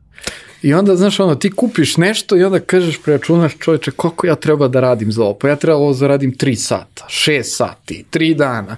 I to je bio jedan način kako sam ja naučio u stvari da, da stvarno vrednujem novac koji zaradim, jer sam tada shvatio definitivno da i te kako treba da se potrudiš i da znaš nešto i da budeš vredan i da, da, da stvarno budeš fokusiran da bi zaradio za neke stvari i više ti ne padaju pare sa neba, ne dobijaš ni od koga. Tako sam ja često ovaj radio tu kalkulaciju kad idem kući, koliko sam danas radio, koliko je to u pljeskavicama i tako dalje tako dalje. Mislim da smo svi prošli neku takvu fazu, zapravo vrlo sličnu priču imam i ja sa, sa prvim poslom sa unošenjem. Ne do duše anketa i ne do duše na, na albonskom, ali to u tom trenutku sediš i prekucavaš neke stvari. Danas bi rekao, pa dobro, to može da se skenira, pa može OCR, pa može. Može, danas može. 99. 2000. 2001. Ništa od toga nije radilo ili ako je radilo, radilo je na tom nivou da treba više vremena da ispraviš to što je skenirano, mm. nego da ga otkucaš od nula. Što je u principu, da kažem, u tom nekom prvom periodu bio, bio negdje i moj posao. Uh, dakle, s jedne strane imaš taj uh, dosadni posao, ali koji se može konvertovati u pljeskavice. Ovaj, a sa druge strane imaš te neke stvari koje te lože i mm. kojima negde želiš da se baviš, ali još uvek nije baš 100% linearno jasno kako to može da bude posao. Mm. To postane posao kroz neke stvari, to se dešava na nivou tih incidenata, pa incidenti postanu sve češći, ali u principu nije baš linearno kako te stvari funkcionišu danas, ti možeš da kažeš pa dobro, mislim ima mnogo ljudi koji se bave uspešno konsultingom, ima mnogo konsultantskih kuća mm. specijalizovanih za razne stvari. Ali u tom trenutku gotovo da ih uopšte nije bilo. Bilo je nekih pojedinaca, mm. a ti pojedinci su uglavnom svoju ekspertizu imali u okvirima nekih velikih sistema, pa su povremeno izlazili iz okvira sistema da rade nešto u dogovoru sa, sa svojim managementom, da mogu i nešto izvan toga da naprave, pa bi se vremenom odvajali možda od, od te, što da matice, nije baš matica, ali od onoga odakle su potekli. Dakle, pričamo o nekom potpuno drugačijem vremenu, pričamo o tome uh, kako smo došli do onoga što je danas i, i taj moment da ti kažeš da uh, nisi želeo da propustiš priliku. Znači, ja uvek ljudima pričam uh, jeste teško, jeste izlazak iz zone komfora, meni je sve izlazak iz zone komfora i jeste neprijatno, jeste teško, ali može da te odvede do nekih fantastičnih stvari, a uvek ključno pitanje koje ja ljudima postavim, koje je u principu moj možda način da ih razoružam od argumenta, uh, šta je najgore što može da se desi? Mm -hmm. Najgore što može da se desi da se izblamiraš. Pa, mislim, iako odbiješ, u principu si se izblamirao. Mm -hmm. A može da ti se desi da ti se otvore neka vrata. Može da ti se desi da ti neko kaže e, ovo je bilo super i da te preporuči nekome dalje. Ja sam celu svoju karijeru, kao i ti, kao i većina naših prijatelja i kolega, izgradio na referencama, ali pre svega na preporukama. Mm -hmm. Na tome što je neko nekom rekao, vidi, ova je težak u crna zemlja, ali ako ti treba za to, njega pozoveš i ne boli te glava. Boli te glava za druge stvari, ali te ne boli glava da će posao biti, biti urađen. 23 godine, prvi veliki trening, prošao je dobro, iako je tu bilo raznih vrsta mm. ovaj, upravljačkih uh, struktura. I šta onda? E, ja sam u tom periodu radio više stvari paralelno. Znači, ja sam radio u strategic marketingu, paralelno sam vodio i dalje Uniju srednjoškolaca Srbije, iako nisam bio više srednjoškolac, ali nekako je bila ideja da dalje postavim na noge.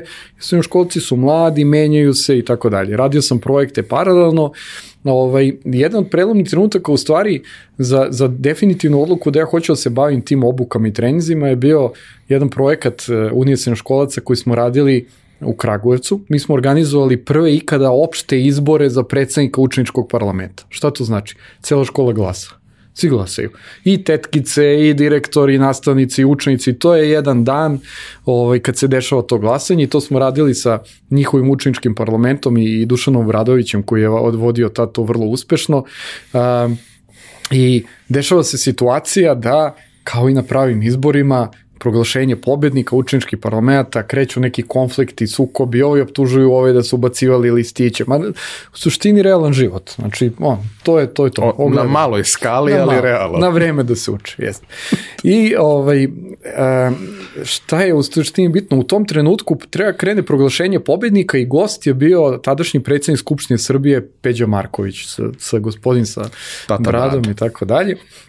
I ja sam imao ogromnu tremu, jer sam trebalo, trebalo je da vodim a, taj događaj, on je sedeo pored mene, ispred mene je bilo 300 ljudi i ja treba da najavim njega, treba da proglasim rezultate, ovi se tamo svađaju, optužuju i tako dalje, a meni generalno ti javni nastupi nisu baš prijeli, no, prosto to mi je, imao sam tremu užasnu, I znam da, da su mi noge toliko drhtale glas, ja sam napravio uvod u to, ovaj, taj događaj, najavio govornika direktora koji je bio tu gost direktora škole i tako dalje i napravio jedan mali propust gde sam zaboravio da najavim glavnog gosta, to je predsednika Skupštine Srbije. Sitnic. I u nekom trenutku ja krećem u tu najavu i ja osetim da mene neko po desnoj ruci onako udara, da me čačka, da me gura, a ja onako u onom magnovenju već trema, ne znam gde sam, ja ovako sklanjam ruku ovaj, tu koja mi je udara, jer samo još to fali da mi neko smeta i u tom trenutku kreće smeh tih 300 ljudi. I šta sam ja radio? U stvari ja sam sklanjao ruku Peđe Markoviću koji je mene hteo samo da podsjeti da je on tu i da i njega najavim. I kreće smeh, naravno onda imaš onaj osjećaj ljudi koji imaju tremu da ja nastupa znaju kako samo toneš sve dublje i dublje, od jedan put prestaneš da čuješ sve nekako maglovito. I to je ono bilo jedna vrsta za mene fijaska, gde sam ja nakon toga rekao, e ne, ima da naučim taj javni nastup i to ima da bude jedna od mojih glavnih karakteristika. I to, to mi je onako bilo opredele, opredelenje i prosto neka vrsta inata. I to je bilo jedno od opredelenja zašto sam ja počeo da se bavim obukama i trenzima. Ja sam krenuo da vežbam taj javni nastup i da vežbam i da izlazim iz zone komfora i na kraju sam ušao u profesiju gde je osnovna veština u stvari javni nastup. To što je, je kod mene izazivalo strah. Ja ovu priču inače volim da ispričam svima onima koji imaju strah od jedan nastupa i ne prijavim, a mnogo je takvih ljudi koji su vrlo skoro uspešni, svi. skoro svi, da jednostavno sam ja iz jedne krajnosti negativne otišao u drugu krajnost potpuno, potpuno pozitivno, da mi to bude profesija i, i neki nastup.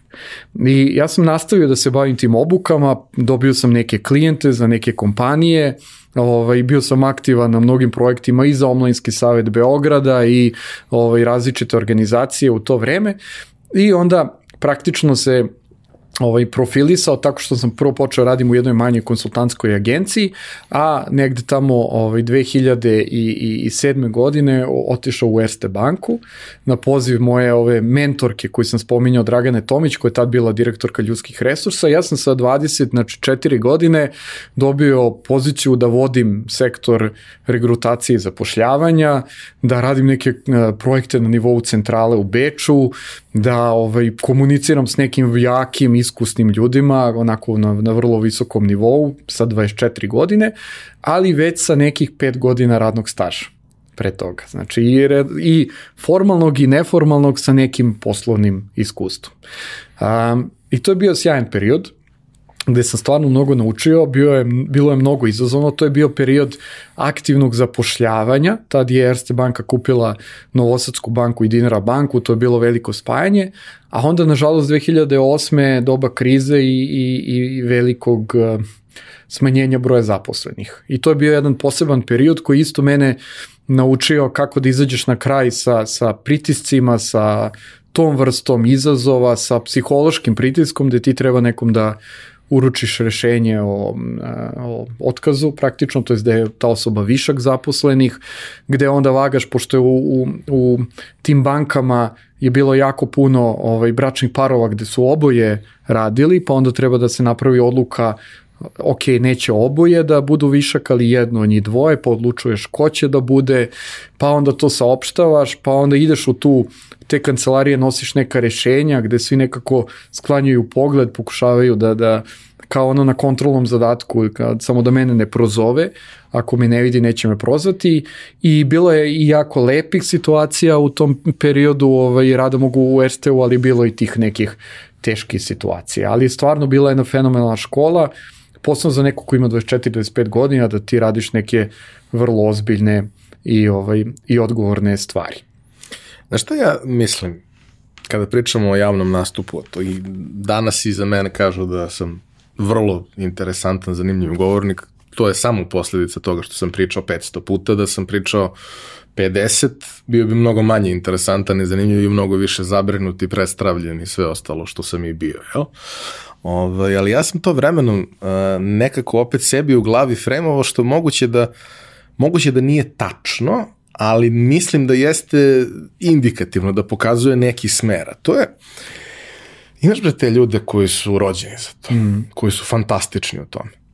Oni su fantastični u tome i vrlo često ne postanu dobri ni u čemu drugom, jer su u ovome već sjajni i oni su ti koji privlače pažnju. Svi, kao kad imaš, što ja često ovde kažem, ljude koji imaju talent za nešto, pa nemaju nikakvu radnu naviku uz to. Kad spojiš talent i radnu naviku, desi se Dražen Petrović. Mm. A kad ne spojiš, desi se toliko drugih koji su bili pretalentovani i ništa nisu uradili. Tako isto i ovde. Kao ti ljudi koji, koje se sećaš iz, ne znam, osnovnih škola, srednjih škola, kroz razna neka druženja, iz, iz nekih društava, koji su dakle, ne neposredno tvoji, ali svi smo se mi nešto po gradu znali. Svi ti ljudi koji su bili, ne svi, ali dobar deo njih koji su bili neke face u tom periodu odrastanja, na kraju nisu uradili ništa. Mm. Neki jesu. Za neke si znao, kada si ih upoznao sa 13, da će da budu čudo.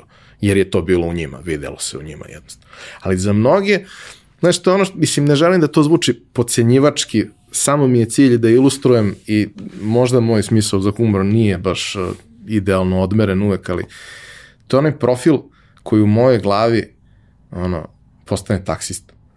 Mm stara beogradska porodica e, ima salonski stan u centru, veliki, od koga se narednih pet generacija ono, ra raskućuje lagano taj stan da bi uzimalo manje.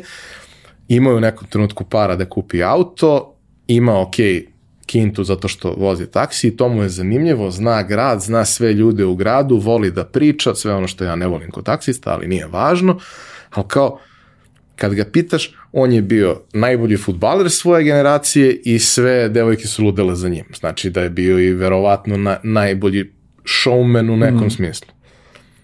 A ljudi koji su se fokusirali da uče neke specifične stvari, nisu imali vremena da se bave tom estetikom, tim ovaj, šminkom toga svega. Nego su se bavili time da znaju bre tu materiju.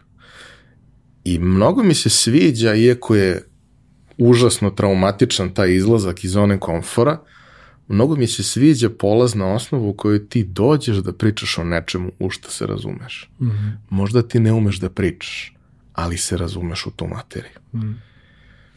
To je mnogo dobra, mnogo dobar početak tako nečeg. Naučit ćeš da pričaš, ali ako ne znaš materiju, džaba ti što umeš da pričaš. Možeš da zabavljaš nekog na kućnim žurkama ali verovatno dalje od toga dobaciti nećeš. Tako da to je neki moj utisak. Sad, je li ima taj moj utisak nekog smisla? Da, pa definitivno, definitivno ima. E, moj isto princip je bio ne pričam o onom što se nisam pripremio makar maksimalno.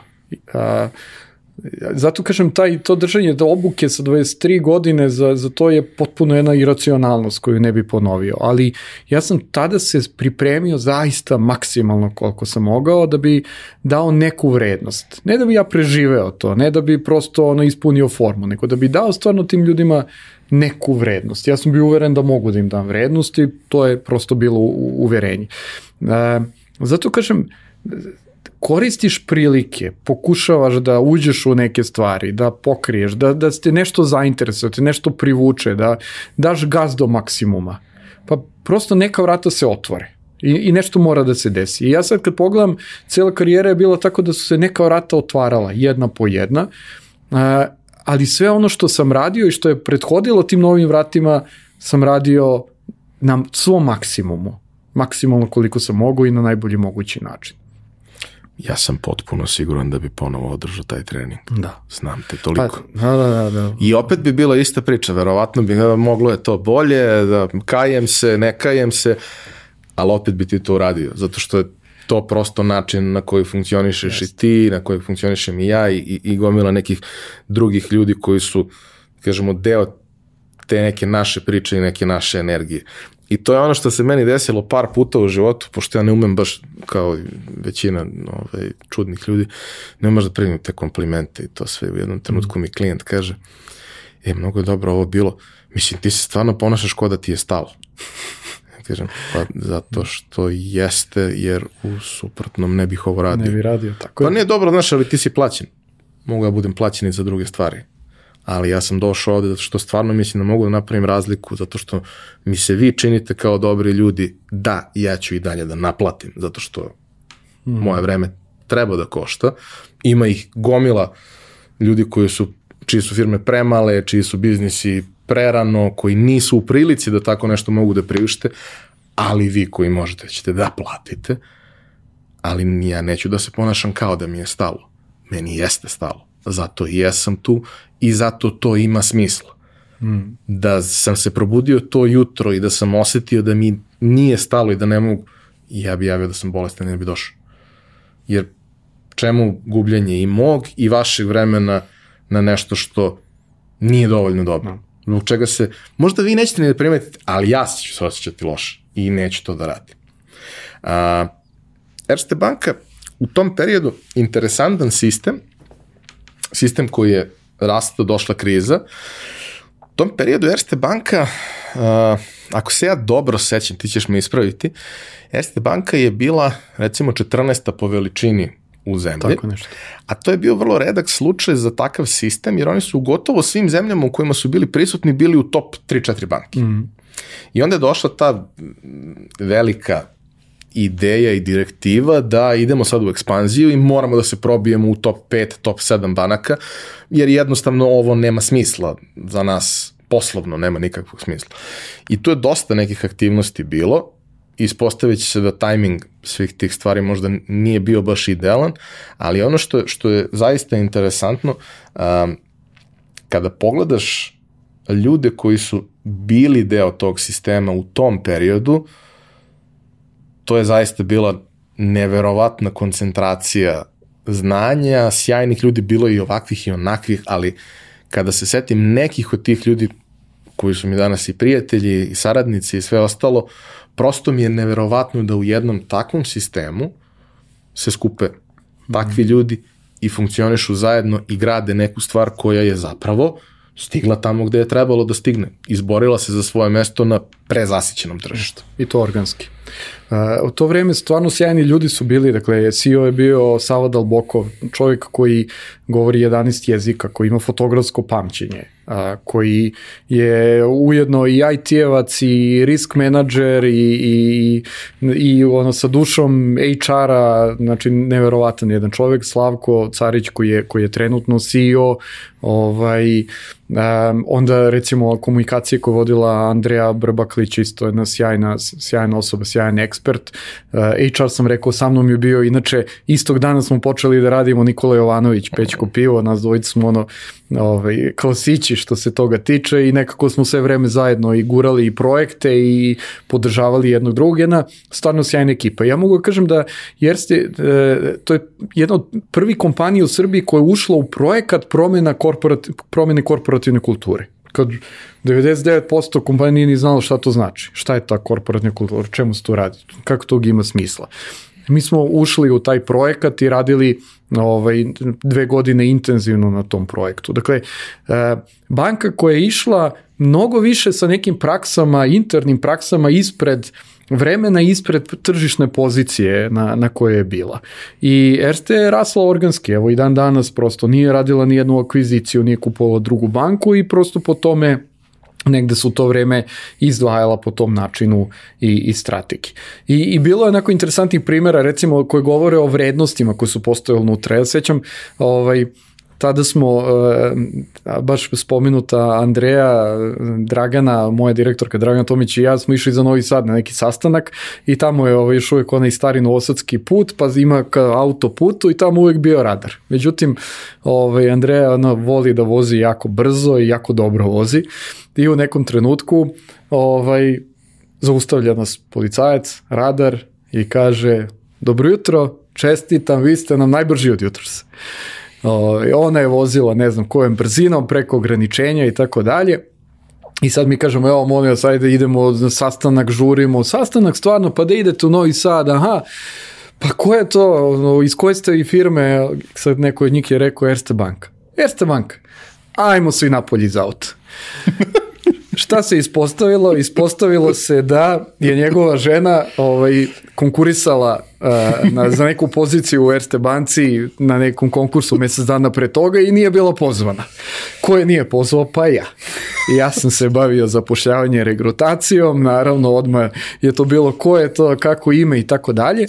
I ono što je meni bilo sjajno, što je stvarno nekako smo mi živjeli te neke vrednosti koje smo propagirali. To je, njemu nije bilo rečeno, e, ma okej, okay, ništa, aj nemoj napišeš kaznu, neće, bit će pozvana ili zvaćemo ili vidjet ćemo nešto da uradimo. Ne, stav je bio prosto, pogledat ćemo ponovo, ako ima smisla da zovemo, pozvaćemo, ako nema, a, šta radimo? I to nema veze, piše kaznu ako ćeš da pišeš i ovaj... Ako si već takav čovek si, da. Tako je. Tako uh, ali sećam se tog jednog uh, trenutka ja sam u tom trenutku klinac. Znam bankarsko tržište jer sam tek počeo negde da, da, da poslujem malo ozbiljnije. To su bili neki od prvih ozbiljnijih klijenata sa malo, da kažemo, ozbiljnijim budžetima i malo jačom posvećenošću da nešto s tim i urade. Uh, I sećam se da prvi put susrećem banku koja nema klasičan predatorski instinkt prema mhm. svemu kao sve ostale koje su u fazonu e, svaki kredit, svaki klijent, sve u narednih tri meseca, ono, ako treba, gazit ćemo preko mrtvih. I ja pričam tada sa mojim dragim, dragim prijateljem uh, Milanom Obradovićem i on kaže, ne, ne, ne, ne razumeš, nis, nismo mi, nismo mi takva priča. Dobro, a kakve ste vi priča? Kaže, mi smo priča, znaš, banka postoji sto i kusur godina u Austriji. I svih tih sto i kusur godina, že postoji onaj jedan program koji sad postoji kod nas i ja mislim da je to vrlo značajno bilo, a poslovno je bila loša odluka, ali dugoročno je bila sjajna.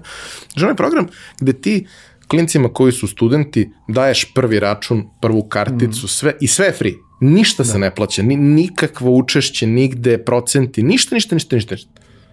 Kao, dobro, a što to radite? Mislim, on će studira ko zna koliko, i naročito kod nas. I to. Kaže, jeste, ali u nekom trenutku će završiti fakultet, u nekom trenutku će se zaposliti i mi verujemo da ako mi uradimo svoj posao kako treba, značajan procenat njih će ostati kod nas. Mm -hmm. Naročito ako im damo i tada neku dobru ponudu za njih na nivou svega onog ostalog što, što drugi radi. Da li ćemo mi nešto da izgubimo? Ok, izgubit ćemo, ali mi smo došli ovde da ostanemo 100 godina. Nismo došli da za godinu dana uzmemo šta možemo i da bežimo. Tako je. Nije nam važno kratkoročno šta će da se desi. Važno nam je da ti ljudi budu zadovoljni i znaš koliko ja znam klinaca koji su svoje prve hostinge, domene i slične stvari kupili svojom Erste karticom. Da. Erste ima tu, tu korporativnu kulturu koja je negde i projektovala u to vreme i ka spolja. Recimo, ja sam nakon nešto, ja verovatno ću pričati o tome, otišao u preduzetnike, sigurno jedno 9 meseci i čak možda godinu dana nakon tog prelaska, kad god se pojavi Erste reklama, ja sam govorio, evo je naša reklama. A, I onda je bilo pitanje pa čak koja, koja je naša reklama, nisi više u RT-u. Međutim, to je taj osjećaj nekako stvarno pripadnosti. I ima jedna interesantna priča koja važi za sve banke i finanske institucije. A, šta prodaju recimo banke, finanske institucije? Pa prodaju koji osnovni proizvod? Novac.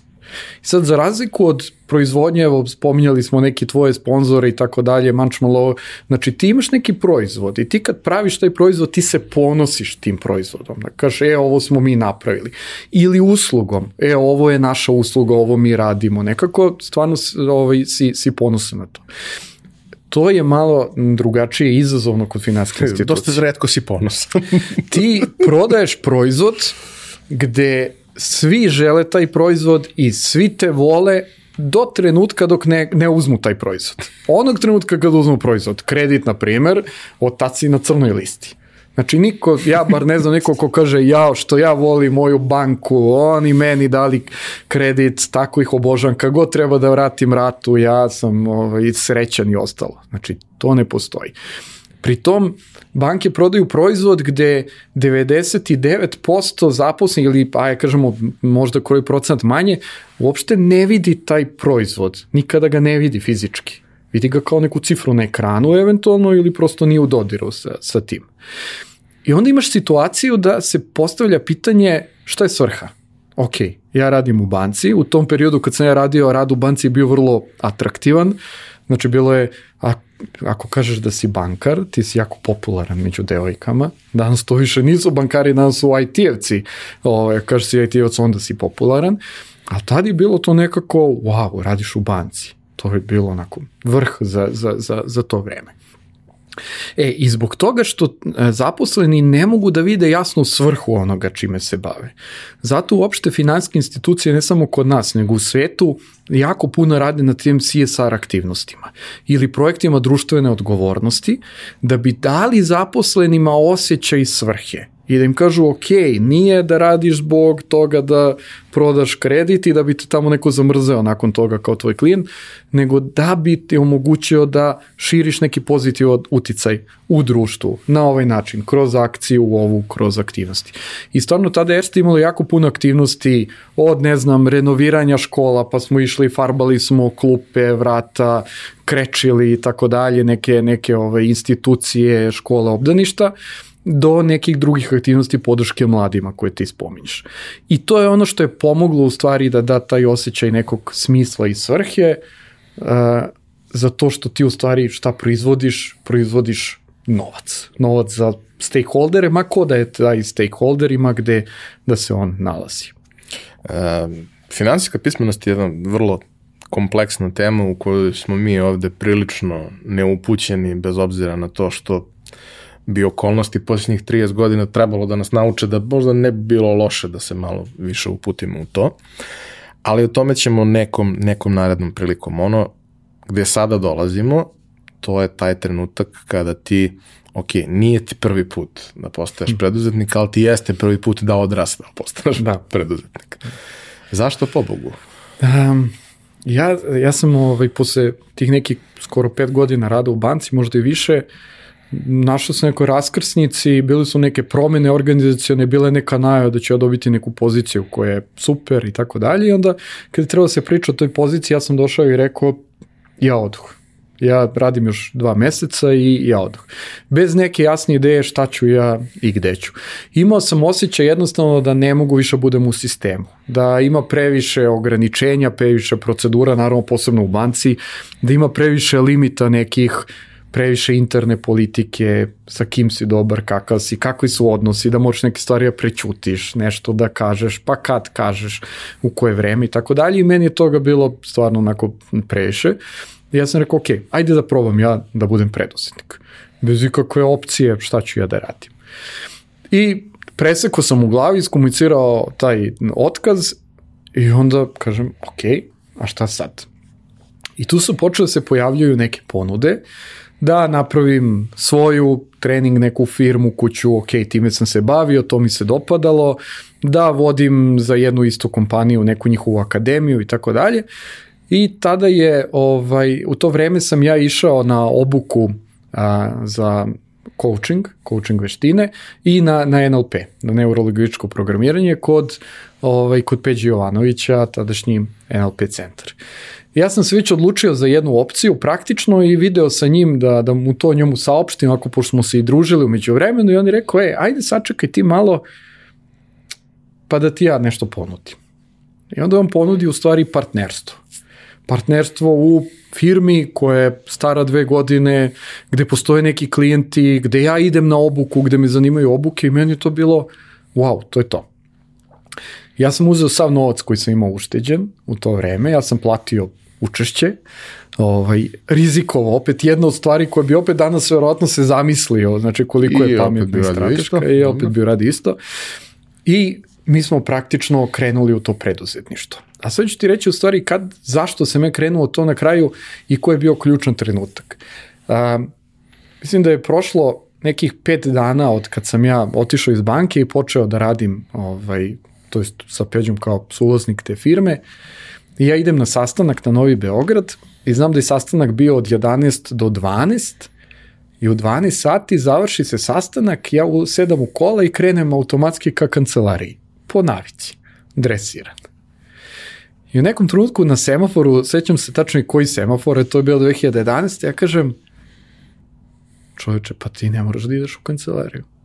Možda ideš gde god hoćeš. Možda ideš u kafić, možda ideš u restoran, možda odeš kući, možda odeš posle u kancelariju. Taj toliko dobar osjećaj u tom trenutku. To, to, ima beli Schengen, možda ideš Mogu da odputujem nasako.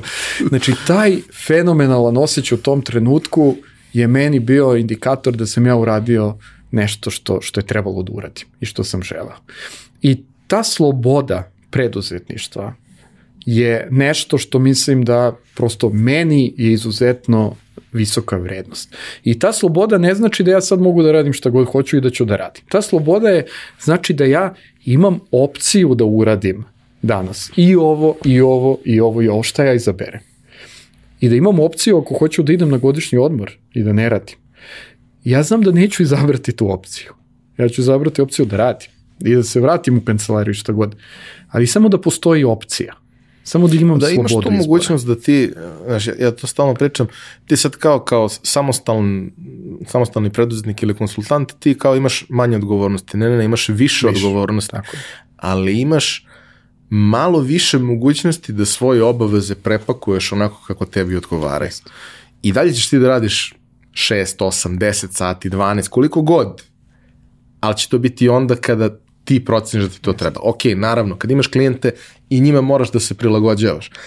Ali ako ti se ide u jedan na bazen, ideš u jedan na bazen, pa ćeš raditi do 12 i radit ćeš od 3, ali u jedan ideš na bazen ili na ručak ili na šta god.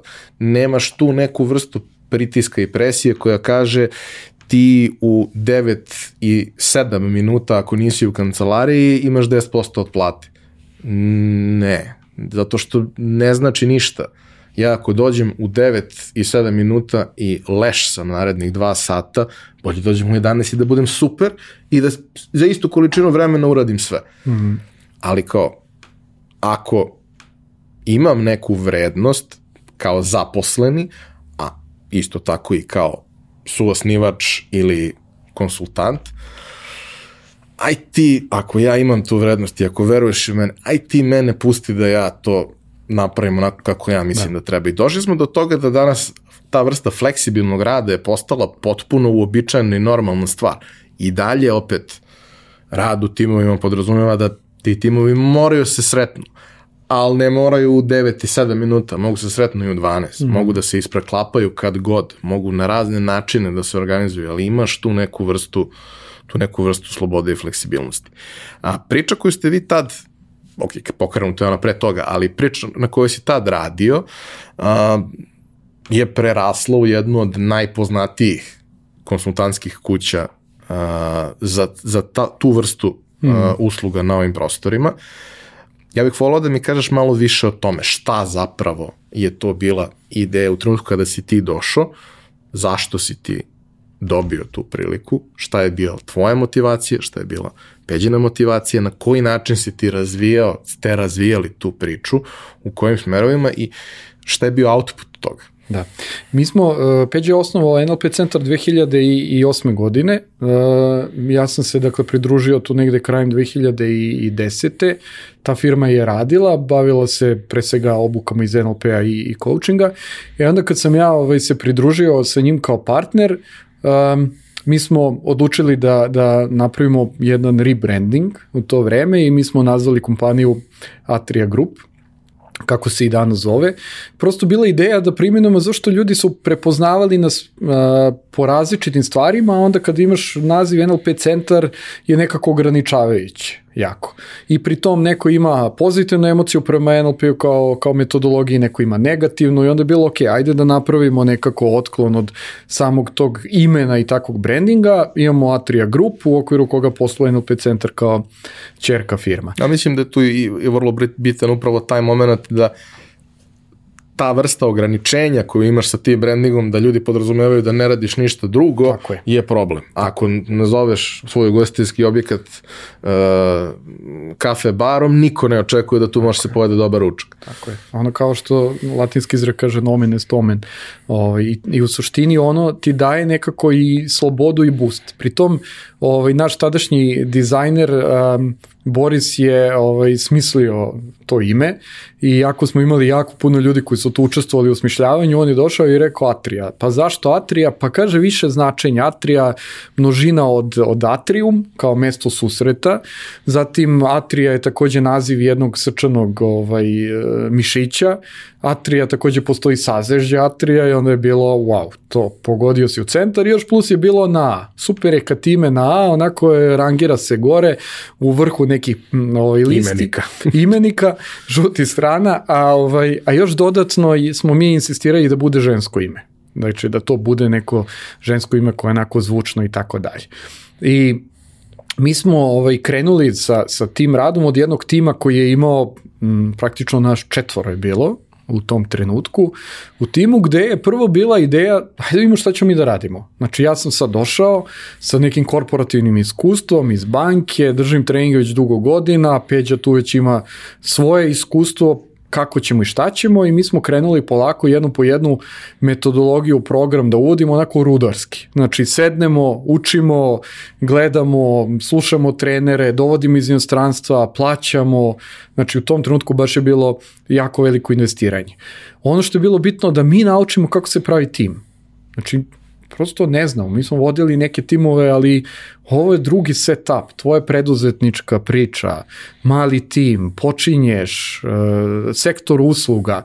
I smo mi mnogo eksperimentisali i tražili se. I jedno tako traženje je bilo i, i naša ovaj, luda ideja, a to je da obećamo svim zaposlenima u firmi u tom trenutku da ako te 2011. godine ostvarimo targete, svi idemo zajedno na team building, ali ne bilo gde, nego na Kubu. I to je bilo obećanje. Komunizam. Tako je, znači nema odmah, prve pare koje zaradiš odmah potroši na, na, na, na veliko. Četvoro ljudi, Peđa i ja i još ovaj, dve dame, Maja i, i, i, i Sara. A, decembar mesec i negde blizu targeta lomi se on utakmica 90 minuti mi prelomimo i ostvarimo target. Međutim, super, ostvario si target po prometu, ali po profitabilnosti, na, to je već druga priča. Ali nema veze, Profi, promet, promet, mi gledamo da smo mi stigli tamo gde smo ovaj, želeli i mislim da je bio 2. januar, mi smo u avionu za kupu. A, ispunili smo obećanje, odveli i to je sad, sad to je verovatno za većinu ovih IT firmi je, oni idu na team buildinge, na ne znam, Maldive, tamo vamo. 2011. godina, trening kompanija, znači koja ide na team building na Kubu, ne znam, 90 dana, malo je bilo drugačija, spektakularnija priča nego što to zvuči danas. I to je bio prelomni trenutak gde smo mi u stvari pokazali nekako da ono što prvo što postavimo da možemo da ostvarimo te targete, druga stvar da hoćemo i da nagradimo i ljude koji su tu i koji, ok, možda su imali sreća budu tu u tom trenutku, možda nije njihova zasluga bila baš toliko velika, ali nema veze. Neka treba imati u životu i sreće i dati go u 90 neku minutu ono, iz odbitka. Što bi Neko mora da bude i Igor Dulje. Ne, tako je. Neko mora bude ili da bude pančev da se nađe na, na pravo mesto u pravo vreme. Ovaj, I e, mi smo napravili taj zamajac praktično i onako vremenom krenuli stvarno da radimo držeći se neki par principa, ali najvažniji princip je u stvari bio da dajemo, dajemo maksimum od sebe sa što manje forme, a što više suštine. I ja ne kažem sada odmah da kažem, da naglasim da to nije moja poruka da je to najbolji način i jedini način. A, mi smo radili tokom mojih 11 godina, eto, od kada Atrija pod tim imenom radi rudarski. Znači, to je na zavrneš rukave, uđeš u rudnik i radiš, i radiš, i kopaš, i sa klijentima, i do maksimuma, i daješ i više nego što treba, i što je neophodno, i više nego što traže, ali nekako mi smo se istrenirali na taj način i prosto to je princip rada za koji ja verujem da nas je doveo danas do jednog sistema koji e, ima preko 20 ljudi u samom sistemu, što trenera, što biznis developera, što ljudi koji se bave različitim metodologijama i koji je nekako samo održiv i prepoznat. I mi smo praktično radili projekt na svim kontinentima osim Australije. I mogu da kažem da, da, da imamo pravo da se takmičimo sa mnogim velikim kompanijama iz naše oblasti u Evropi i takmičili smo se i nismo bili često ni najeftiniji ni najpovoljniji kako se očekuje to od neke e, firme iz ovog dela Evrope ovaj, a smo pokazivali najveći trud, najveći želju i, i, i najčešće i najveći kvalitet. Koje su to usluge? Mm -hmm. Odnosno, uh, rekao si kako ste uvodili nove stvari, ali nisi rekao Šta? od čega ste krenuli i gde je danas Atri? Da. Mi smo krenuli od, dakle, no što sam spomenuo, znači od NLP-a kao metodologije, zatim uh, coaching, zajedno sa Eriksonovim koleđom iz, iz Vancouvera, koji je jedan od najčih svetskih kuća koji se bavi coachingom, uh, ozbiljnim poslovnim coachingom pre svega i mi smo praktično prvi koji su nekako se trudili da uvedu standard u to. Iako life coaching je prepoznat onako kao svi kažu ja, evo ga neki life coach. Um, i svako može sebe kaže da je coach, ti možeš sad završimo emisiju, možeš i pre završetka da kažeš ja sam od sad coach i ti si coach. I niko ne može ti zabrani da ti sebe zoveš coachingom, međutim i tekako postoje i standardi od strane Internacionalne coaching federacije i obuke koje su priznate i, i prepoznate i neki proces ozbiljan, ozbiljno školovanje koji ti moraš da prođeš da bi mogao to radiš na kvalitetan način. Inače, u to vreme su nas na društvenim mrežama jako ovaj, napadali, um, kažu coaching, kakva je to reč, engleska, što ne koristite srpske reči? Onda mi kažemo, a ko je srpska reč? Onda kažu, pa koristite mentorstvo, tu, tutor, ne znam, ktitor, ovamo, namo, svašto su izmišljali, Međutim, nije. Nije isto i mi smo tada tražili mišljenje od Zavoda za standardizaciju srpskog jezika. Mislim da i dalje negde postoji taj papir od njih dopis da kažem, ok, ljudi, pomozite na kako prevedemo coaching na srpski. I oni su rekli, prema s obzirom na značenje uh, same reči, ono što je naša preporuka da se koristi u originalu. I onda su... kad smo, naša preporuka je batali. Tako je. I onda kad su nas napadali, onda samo imaš scan i samo touch, izvolite lepo, ovaj, zvanično mišljenje uh, o čemu se tu radi. I to je dugo trebalo vremena da mi malo demistifikujemo u stvari taj termin i danas je nešto što je potpuno normalno u kompanijama priča se o coachingu u različitim formama. Um, onda smo napravili saradnju sa kompanijom iz San Francisco koja se zove Persona Global, koja je jedna od najvećih svetskih kompanija za različite menadžerske i liderske obuke. Kompanija koja je nama donela preko 80 različitih metodologija, različitih tema veštine, obuke iz veština pregovaranja, menadžerske veština liderskih, prelaska od eksperta do, do, do menadžera, prodaje, vođenja timo rešavanja konflikata, pa do nekih različitih asesmenata, to jest načina za merenje nekih veština i sposobnosti.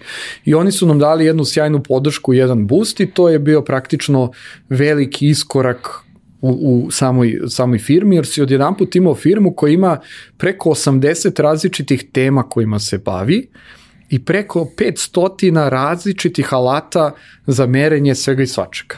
Od korporativne kulture do, ne znam, numeričkih sposobnosti pojedinca, verbalnih sposobnosti, kompetencija, znanja i tako dalje i tako dalje.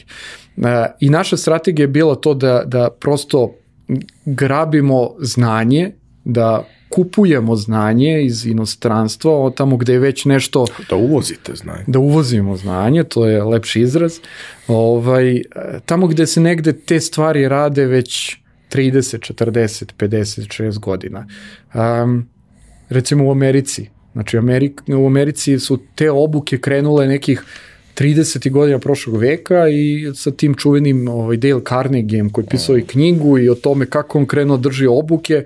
Znači nešto što se radi tamo već 70-80 godina, kod nas je ozbiljnije počelo da se radi um, pre 20-ak. Sad, ono što je važno, ne znači da je istorija počeo od pre 20 godina, a pre toga nije bilo obuka, bilo je i 70 i 80 kod nas, ali ne u formi i ne na način koji se radi danas i kako je trebalo da se radi, prosto na, na, na pravi način. Ja se sećam tog nekog perioda 90-ih, dakle pre onoga što doživljavamo kao početnu tačku za tako nešto, uh, dok je moj, dok je moj otac uh, radio kao, kao direktor marketinga u, u BIP-u, ovaj, da je on tada prvi put krenuo da dobija neku literaturu, prvo mm na engleskom, onda na srpskom, uh, neke izdavačke kuće su to uh, uzimale, prevodile.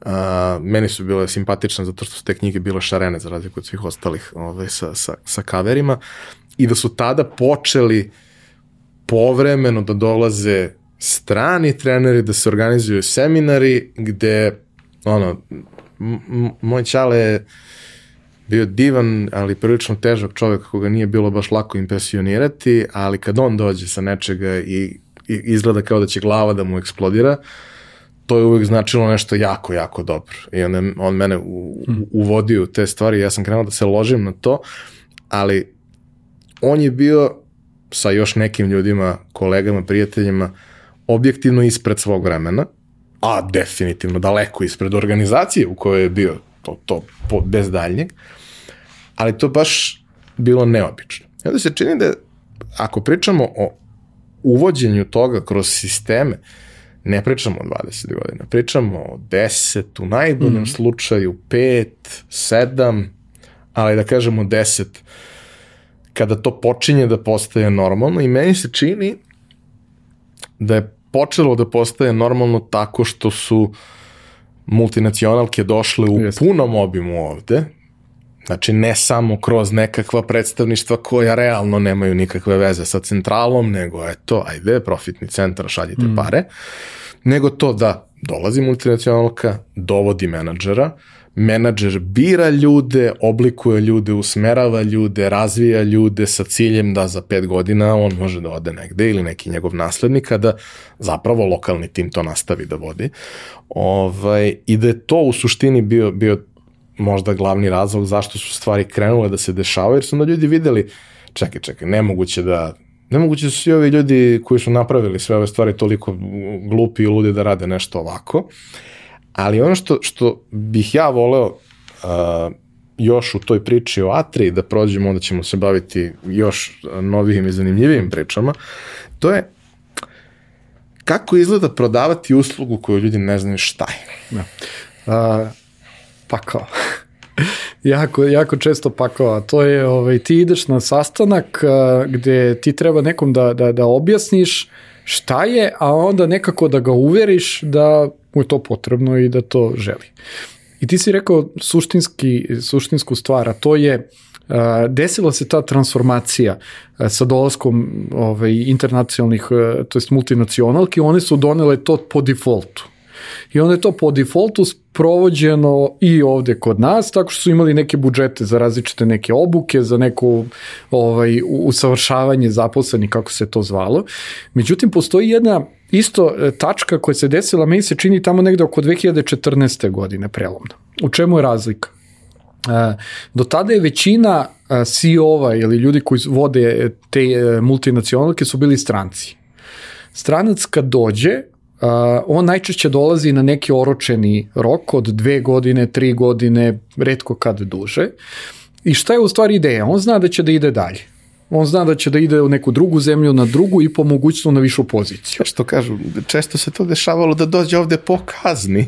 I bilo je, ovaj, bilo je i ili da se pokaže ili da mu se skrene pažnja Tako da je. ako budeš nevaljao može i gore od Jest, ovoga. kao neki ovaj korektivni, korektivna mera. E, I onda ti, ti ljudi znajući da će biti tu neko ograničeno vreme, oni su radili ono što je neophodno u stvari da bi povećali kratkoročno rezultate kompanija, da bi jednostavno pokazali da su oni sjajni i da bi prosto napredovali dalje kao sledeći korak. I to je bilo posebno intenzivno do 2014. Od tada se dešava da mnogo više naših ljudi a, preuzima da vodi multinacionalke i dešava se promena strategije, a to je da se na razvoj kompanije i samim tim razvoj ljudi gleda dugoročnije. I tada počinje faza da kompanije stvarno smisleno ulažu u razvoj zaposlenih, da gledaju u šta će da ulože, da imaju budžete koji nisu tek tako daj da ispunimo, ispucamo ove godine da bi sledeći imali novi, nego u stvari imaju smisla, smisao nekog ovaj, i u tom planiranju tog.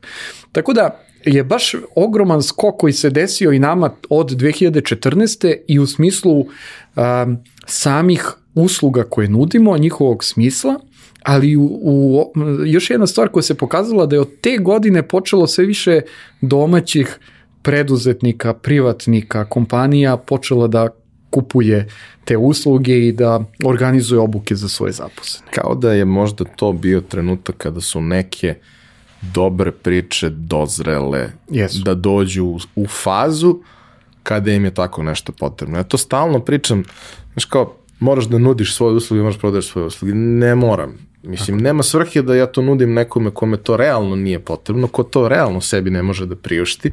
Ja ću da ti pomognem savjetodavno. Ako si ti neko ko ima kapaciteta da to iznese sam na osnovu tog nekog mog uh, puša i, i, i par nekih rešenih problema s moje strane, ti ćeš za tri godine dođeš u poziciju da zapravo možeš da me angažuješ. Ili ni ne moraš, nije važno, ali ćeš reći nekom neku lepu reč, onda desit će se taj yes. sistem domino efekta i ja ću onda imati više posla nego što yes. mogu da radim i želim.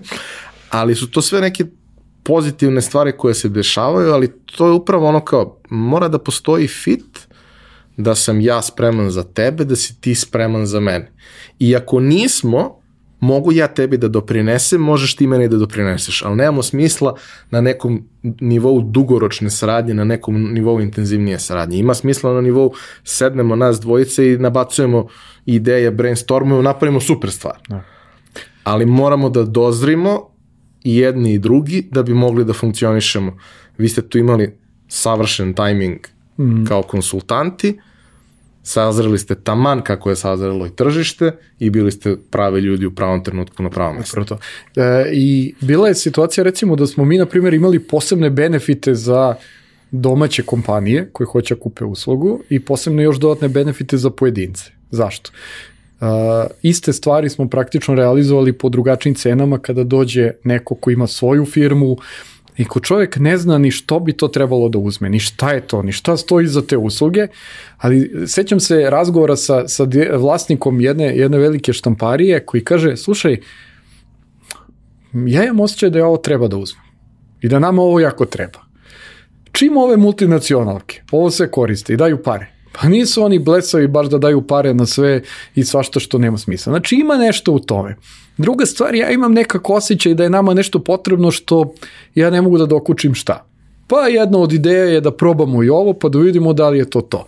Znači on je čovjek iskoristio svoju intuiciju u tom trenutku kojem je napravio firmu, jer je shvatio da iz intuicije je vreme da pređe na jedan sledeći nivo, da ne, ne vozi samo na, na intuiciji, nego i na nekim racionalnim veštinama, stvarima koje, na načinu kako da postavi organizaciju i mi smo to stvarno podržavali kao, kao kompanija.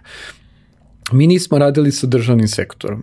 I mislim da i dan danas, ne znam možda da li je jedan projekat ili dva bio u istoriji firme da smo radili s državnim sektorom. Ne zato što nismo želeli, nego prosto zato što smo mi bili fokusirani na komercijalni sektor, na kompanije, na ljude koji prave taj biznis i jednostavno prosto to nam je bila, to nam je sve vreme bio fokus i polje na kom smo mi, mi igrali. Da li je to dobro po firmu? Pa verovatno ne. Možda bi bilo sjajno da smo radili neku drugu vrstu projekata i sa ovaj, kompanijama državnim koji imaju veliki broj zaposlenih i tako dalje, ali jednostavno uh, drugačiji je način komunikacije, drugi način, drugačiji je način prodaje u stvari tih usluga. I meni je drago da i danas ima jako puno i državnih institucija i državnih firmi koje koriste usluge i rade na razvoju zaposlenih, to rade ozbiljne projekte i sjajne projekte i eto, to je još jedan znak da jednostavno tržište celokupno sazrelo tokom tih uh, eto, 10-11 godina. Mnogo je lepo kada si dovoljno mali da uh, svaka pojedinačna stvar koju radiš, efekat te stvari ti znači i da onda radiš sa ljudima kojima je stalo da zapravo da. naprave razliku. Ok, nećeš nikad uspeti 100% ljudi sa kojima radiš da dovedeš do cilja do kog treba da dođe. Nećeš uspeti, prosto to, to je život.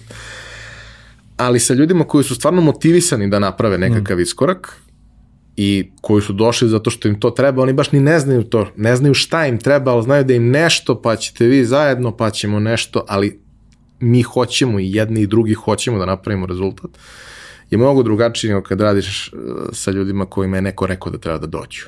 Tako je. Možeš i sa njima da napraviš neviđene stvari, ali krećeš od toga da, si ti, da je tvoj posao tu njih da zabaviš, da im ne bude preterano dosadno, pa ako uhvate nešto super, što nije ono zašto smo se ceo život borili i trudili. Ok, i to plaća račune i to je faktura koja se izda na kraju meseca, ali kad dođeš u poziciju da možeš da biraš šta želiš da radiš, to su neke od stvari koje biraš da ne želiš. Mm. A, ja i ti smo se upoznali na projektu koji radiš prethodnom periodu i dalje si deo A3 operativno se ne baviš više toliko time, ali a, iz nekog razloga ti imaš tu potrebu stalno sebi komplikuju život. Ovaj, I ja sam pre nekog vremena primetio, jer je tu deo mojih prijatelja i kolega bio, bio među prvima pozvan, a nisam ni ja nešto mnogo kasnije ovaj, upao u celu priču. Ti si pokrenuo jednu vrlo interesantnu platformu koju pilotiraš trenutno lokalno mm. sa, sa um, mogu slobodno da kažem, nekim od najkvalitetnijih ljudi sa ovog tržišta, ali naravno nije cilj da ta priča ostane na, na nivou lokala.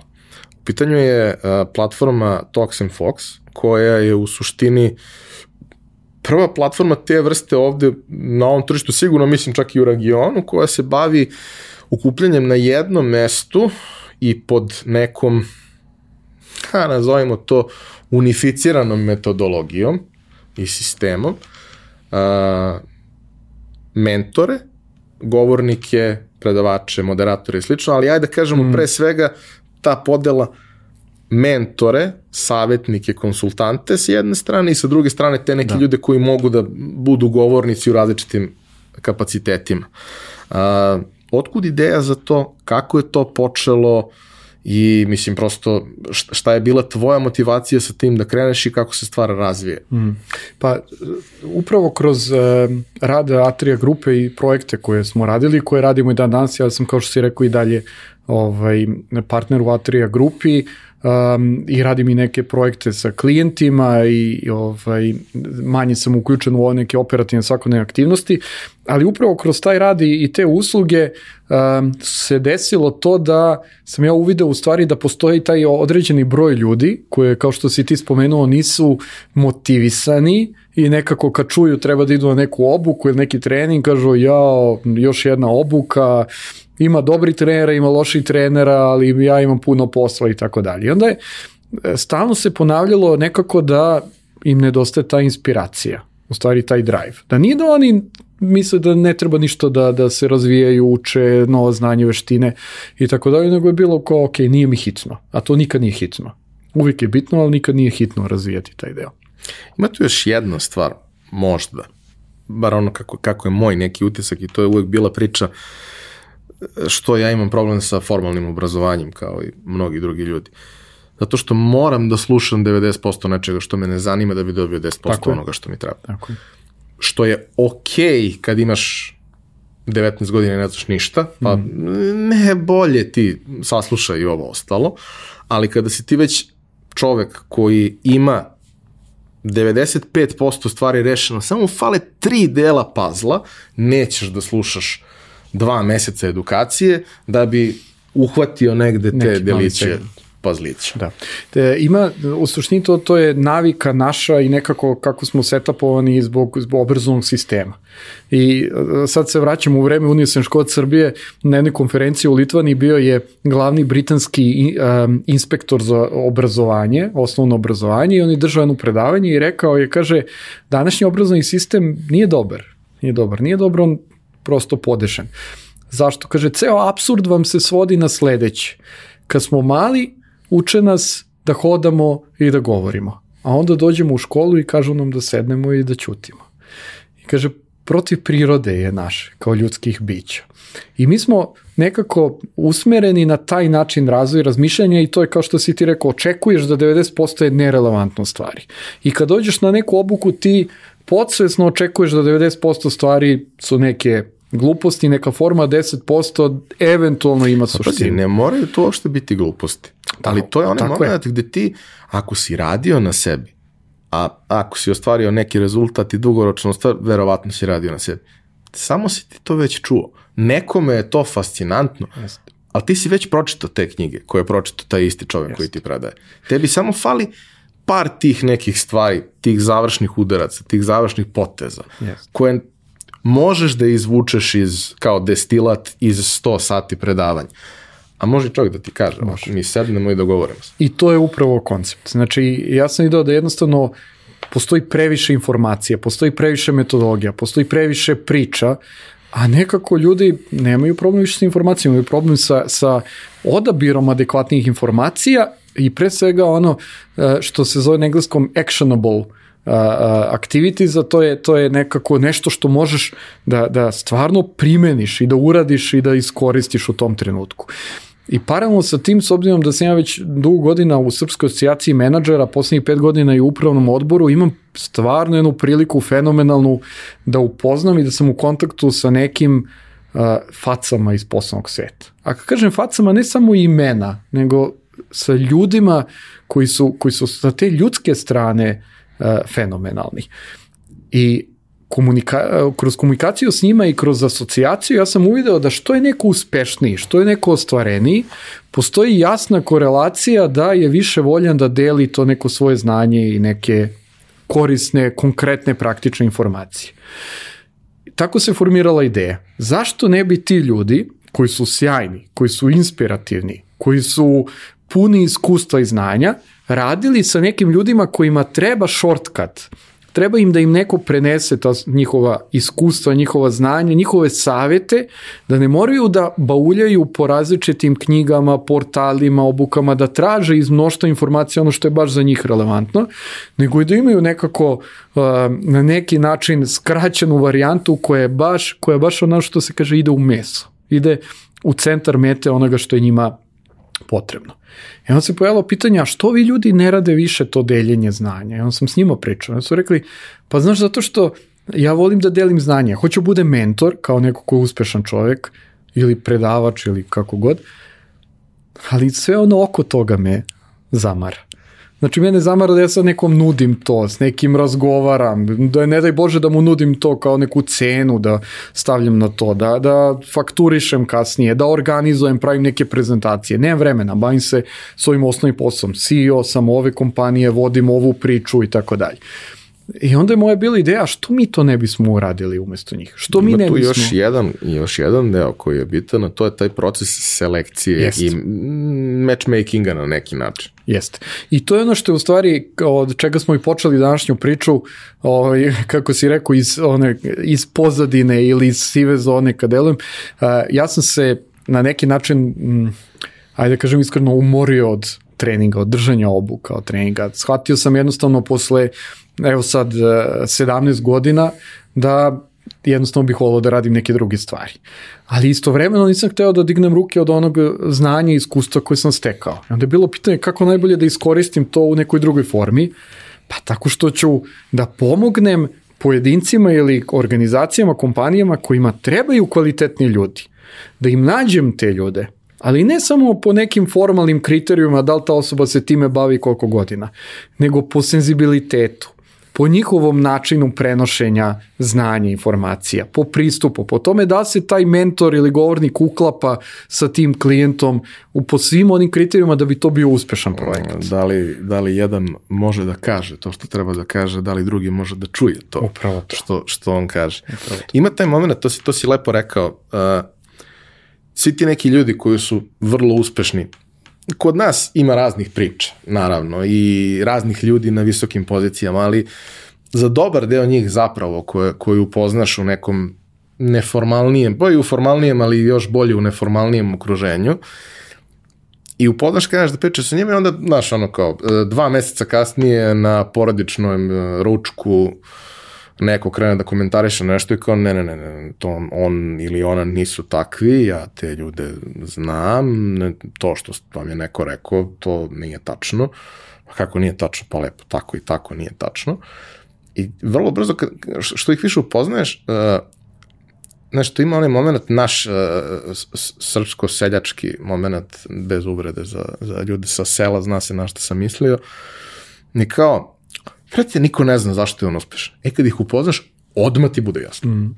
Odmah Dobro. znaš zašto su oni uspešni, zašto su oni takvi. Ja i ti smo, uh, imamo, zainteresovani smo za istu temu iz različitih uglova. Dakle, on je na onoj mračnoj strani kao ovaj, Vanja Vulić i još neki ljudi tu i Pećko Pivo i tako dalje. To sad nije važno, ali on je izabrao sile mraka umesto sile vatre.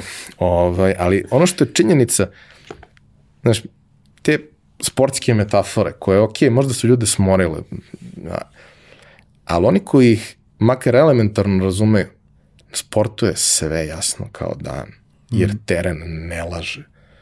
I imaš taj korektivni faktor koji je vrlo bitan, koji ove godine u Evrokupu ne postoji, ali u normalnim takmičenjima, ozbiljnim takmičenjima postoji, a to je ne igra se na jednu dobijenu, ništa. Mm. Jednu dobijenu može bilo ko, bilo koga da dobije ali ako se igra na tri, mm, velike su šanse da će kvalitet zapravo da presudi. I to je ono što, što kao, ako imaš čoveka u sportu, ili u poslu, ili u glumi, ili u bilo čemu, koji ima track rekord od 15 godina sa jednom linijom koja ide uspravno, sa momentima koji su padovi, momentima koji su skokovi, ali gde kao postoji jasan trend da tu ide Nije, brate, slučajno. Ne, veruj mi, nije slučajno. Niko nema toliko sreće. Mislim da je imao sreće, ne bi se rodio ovde. Baš sam ovo subtilno rekao. Ovaj, uh, cela postavka sa uh, Toxin Fox uh, je sjajna ekipa koja je tamo izlistana na sajtu, koja je zapravo ljudima dostupna za, za rad jedan na jedan je neverovatna. Um, mogu ja da naved, neki su i bili ovde, mm. recimo, na primjer, Rade Rakočević, a, mnogi, uh, mnogi nisu bili, ali bih ja voleo da u nekom trenutku dođu, pa ćemo, to ćemo ti ja, naš, ja ćemo, no. već smo pričali, dogovorit ćemo se kako ćemo to sve da izvedemo, ali ono što je vrlo uh, indikativno i sjajno je to što svako od njih ima svoj vrlo jasan profil iz koga ti možeš ne 100%, ali prilično da budeš siguran da li je to nešto što ti, da. što ti odgovara ili ne. E šta se dešava nakon toga što ja nađem nekog za koga mislim je ovo bi bilo baš super da, da mi radimo. Šta ja onda radim? Suštinski naša uloga, ja, ja to volim da kažem da, da smo i neka vrsta menadžerske agencije koja zastupa najuspešnije ljude koji žele da dele svoje znanje i iskustvo sa ljudima kojima je to potrebno ili organizacijama kojima je to potrebno. E, samim tim taj proces mečiranja je u stvari ključan. I zato je važno izbor, mi nismo, mi nismo uh, platforma u stvari. Mi nismo online platforma gde ti nešto uradiš online i to je to. Algoritam, mi, nema tako, algoritam, nema. algoritam je čovek. Mi nemamo platformu, mi imamo sajt. Sajt na kome izlistane naše usluge, naša ponuda i ljudi koje zastupamo Međutim, mi smo ti kao ljudi u stvari koji pomažu u tom procesu najboljeg mogućeg mečiranja, spajanja i uspostavljanja odnosa. Kako mi biramo te ljude? Znači, dva kriterijuma postoje. Jedan mora da bude top u svojoj oblasti, mora bude najbolji ili među najboljim u svojoj oblasti. I druga stvar, mora bude dobar čovjek. I onda kažu, pa kako proceniš da je dobar čovjek? Koji ti to assessment koji iskoristiš? Pa, nikome od tih ljudi ovaj posao sa nama ne predstavlja nikakvu razliku životnu, ni finansijsku, ni bilo kako. Oni to rade pre svega zato što žele da podele to svoje znanje. Imaju potrebu. Imaju potrebu, imaju potrebu da prenesu da, imaju potrebu da upoznaju neke sjajne ljude koji su prepoznali vrednost tog njihovog znanja i iskustva i žele da dobiju deo iza sebe. I oni pristaju iz te motivacije da budu naši mentori, Toxin Fox mentori i govornici. I to meni govori da su dobre ljudi. To mi je indikator. Da hoće da posvete svoje vreme koji im je kritični resurs, ono im je kriči resurs, ne novac ili nešto drugo, nego vreme. I da umesto se igraju sa decom, da idu na futbal, da šta god rade, da ne rade ništa na kraju krajeva, da dođu da dođu u kancelariju kod tog e, klijenta, mentija ili kod nas, da posvete neki sat vremena ili dva ili koliko god, i da jednostavno prenose neko to svoje znanje i iskustvo za dobrobit nekog drugog. I to su dva osnovna kriterijuma koji se mi držimo. Nakon toga mi gledamo da su to ljudi naravno koji umeju da prenesu to svoje iskustvo i znanje i ono što je važno da nema prevelike priče, da je to pravo centar. Konkretno, praktično, treba ti podrška, treba ti savet, neka ti treba korekcija, neka ti treba negativna povratna informacija da, da kaže, ej, to čemu pričaš nema veze sa životom. A evo zbog čega? Zbog toga, toga, toga. Nekada treba podrška kroz neku vrstu networkinga, da te mentor upozna sa nekim trećim i tako dalje. Dakle, ti pogledaš ponudu, nađeš nekoga ko ti na prvu loptu deluje da je relevantan za temu koja te zanima, ili ne nađeš nikoga i kažeš nema nikog tamo. Pišeš nam, kažeš mene zanima ta i ta tema, mi ti kažemo Ivane, daj nam 10 dana, dve nedelje, mi ti dođemo sa predlogom mentora koji nemamo na sajtu. Dakle, i to je naš princip rada. Mi smo problem solving kompanija. Dakle, imaš temu, imaš konkretnu ideju, imaš projekat koji hoćeš da, da, da, da realizuješ, mi ti nađemo osobu koja to može stvarno da te podrži, ne teorijski, ne da ti prepriča knjige, nego da ti da konkretnu savjet, konkretan savjet i informaciju. I recimo jedan od prvih mentorskih parova kad smo krenuli je bio upit uh, od, od uh, čovjeka koga poznajem iz nekog ono ranijeg perioda koji traži osobu, to jest mentora za crowdfunding i to preko Kickstarter platforme, ali osobu iz Srbije koja je to uspešno uradila. Takvih osoba postoji jedan. to jest jedna. Mi nismo u tom trenutku ni znali niko, to je, ali to je naš posao, mi u tome uživamo, da nađemo, da prepoznamo, da identifikujemo te mentore, uspeli smo da nađemo rešenje, uspeli smo da nađemo tu osobu, imali su svoje mentorske sesije, mentorski projekat takozvani, super. Tako ih je bilo gomila najrazličitijih tema, od toga da ljudi hoće da uđu u preduzetništvo, od toga da hoće da se profilišu u IT-u, do toga da hoće da e, nauče kako strateški da postave svoju kompaniju, to je sledeći korak u razvoju, do toga da hoće da uđu u politiku, pa im treba za to mentor. Dakle, najrazličitije teme. Mi stvarno uživamo upravo u raznolikosti tih tema, a ja lično uživam, ovo je moj dream job. Dakle, jednostavno, samo jedan dan koji, koga se uvek setim, koji se desio pre par meseci, gde sam ustao ujutru, komunicirao sam online sa Dejanom Milojevićem, našim košarkaškim trenerom koji trenira ovaj Golden State. Bože, zdravlje ove sezone NBA šampionom, ali ajde da ne laje. Tako je, a sledeće godine bude ovaj, glavni trener, a, koji je Dejan Milović, koji je jedan fenomenalan čovek, a, koji je jedan fenomenalan stručnjak za oblasti koje nemaju nikakve veze s košarkom.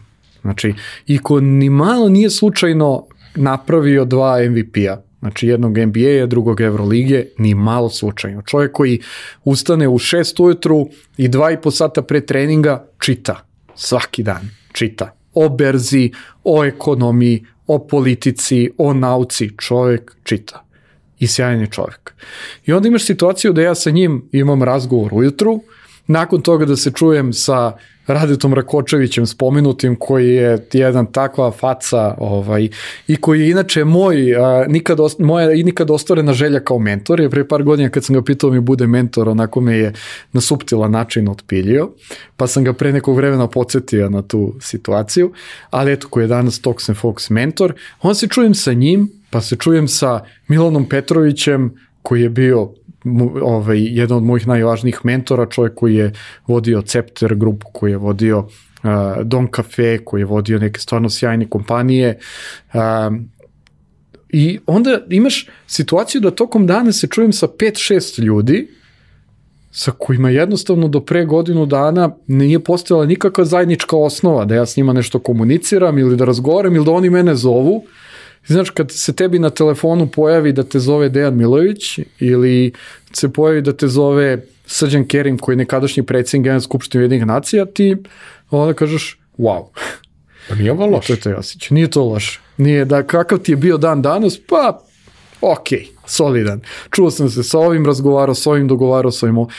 I zato kažem, ovo je prosto, ja se oćem kao dete u prodavnici igračaka, jer imam komunikaciju, kontakt i pristup sa nek, nekim, nekim sjajnim, fenomenalnim ljudima iz različitih oblasti, a s druge strane radim sa istim takvim fenomenalnim ljudima koji će biti u nekom trenutku takvi eksperti, a kojima u ovom trenutku je potrebna podrška, potrebno je neko znanje, potrebno iskustvo i nešto što je praktično, konkretno i što će im dati rezultate brzo. Uh, još samo dve stvari hoću da te pitam. Prva stvar je uh, osim samog, da kažem, angažmana kroz nekakav mentorski rad i sesije, uh, šta još radite kroz platformu i drugo pitanje, šta su planovi za dalje? Da. Um, Što se tiče ovih drugih aktivnosti, dakle, ono što je i u ponudi to je da ovi ljudi, ti mentori mogu da rade i nešto mi zovemo grupno mentorstvo, u stvari je, su neka predavanja, znači to je za veći broj ljudi da... Edukacije kao mini edukacije ili na nekim konferencijama da iznesu svoje opet praktična iskustva, svoje ideje i tako dalje. Ovaj, I pored toga smo koristimo priliku nekako da te ljude uključimo i u neke druge vrste edukacije, pa smo organizovali recimo sa spomenutim radetom obuku iz investiranja na berzi, gde ćeš uh, naći boljeg uh, učitelja i edukatora od čoveka koji je imao svoju brokersku kuću, koji je prodao za, za velik značajan novac ovaj, koji se time bavi, prosto jedan od prvih ljudi koji se time bavili uopšte u, u tadašnjoj Jugoslaviji.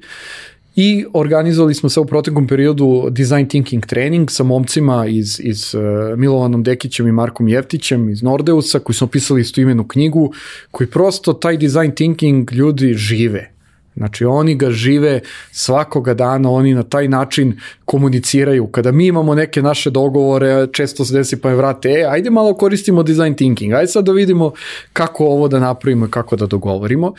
I to je, to je u stvari nešto što je isto u ponudi. Dakle, generalno mi smo fleksibilni zato što ovi ljudi nam daju mogućnost da budemo fleksibilni i da prilagodimo vrstu usluge potrebama klijenta. Da li je to pojedinac ili je to kompanija.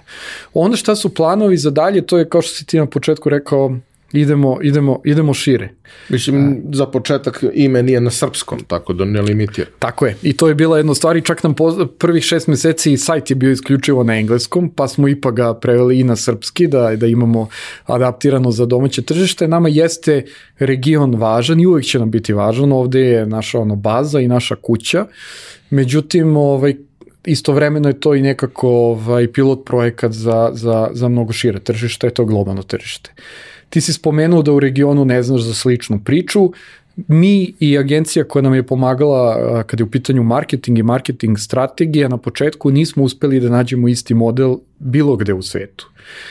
I sigurno da postoji u nekom delu tamo Amerike, Japana ili gde god, ali postoje sajtovi praktično, to je takozvani matching ili dating sajtovi za mentore, ali neko ko na ovaj način radi da uđe u dubinu tvojih potreba, da posreduje sa uspešnim ljudima, da obezbeđuje praktično uh, sve to da vi imate svoj mentorski proces nesmetan, da se ne bavite nikakvim drugim stvarima i da vodi računa sa ekspertske strane da taj proces bude što bolji, nismo uspeli da nađemo sličan Mislim da ne postoji. Postoje a, podeljeno. Speakers, biroi sa svim onim stvarima koje oni nose, postoje platforme na kojima ti možeš da biraš mentore, ali to ajde da kažemo da nije baš uh, nivo selekcije ljudi koji ulaze na te platforme na, na nekom preterano visokom nivou i to je u principu tu ti moraš da uradiš veći deo posla i to ako imaju neke VIP mentore koji su stvarno interesantni,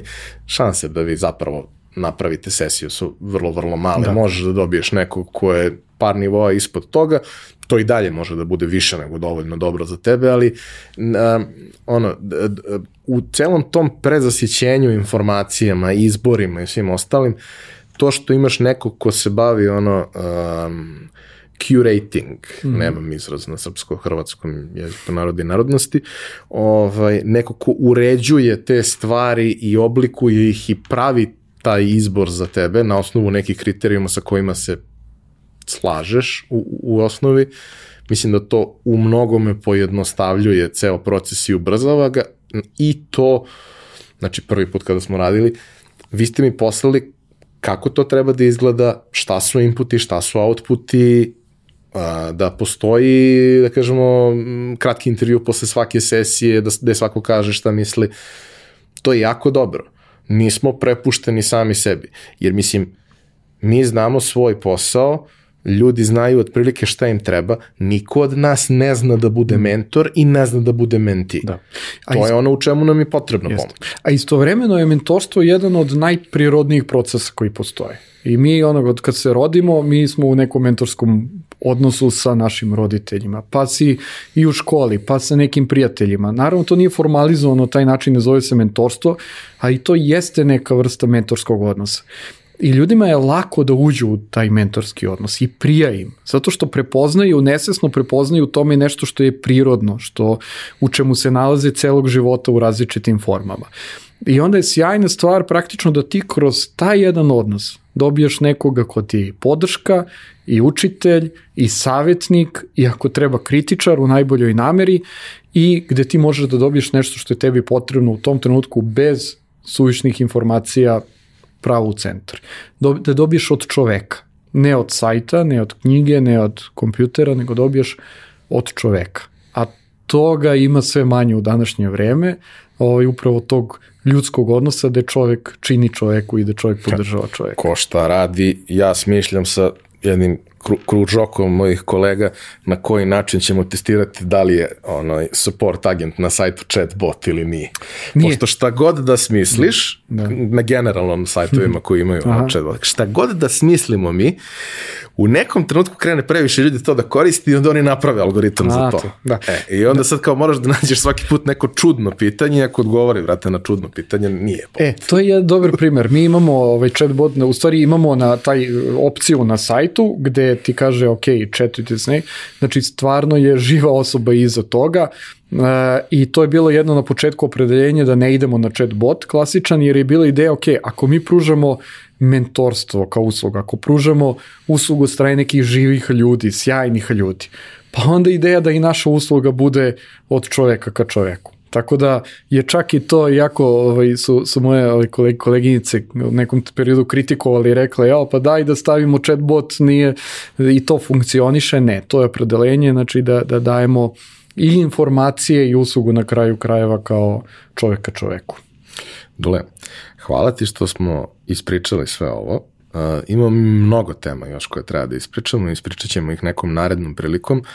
Ono čime posebno želim da se bavim je zapravo da u nekom trenutku sednemo i bavimo se svim tim što podrazumeva konsultantski rad. Jer prvo, nije dovoljno shvaćen, drugo, vrlo često nije dovoljno cenjen i treće, vrlo često se uh, uzima na pogrešan način. Odnosno, ono što smo dosta puta ovde pričali, ljudi ne zovu konsultanta da bi čuli mišljenje, nego da bi neko potvrdio ono što oni rade. To, to nije to nije način i na taj način se ne gradi, ne gradi karijera.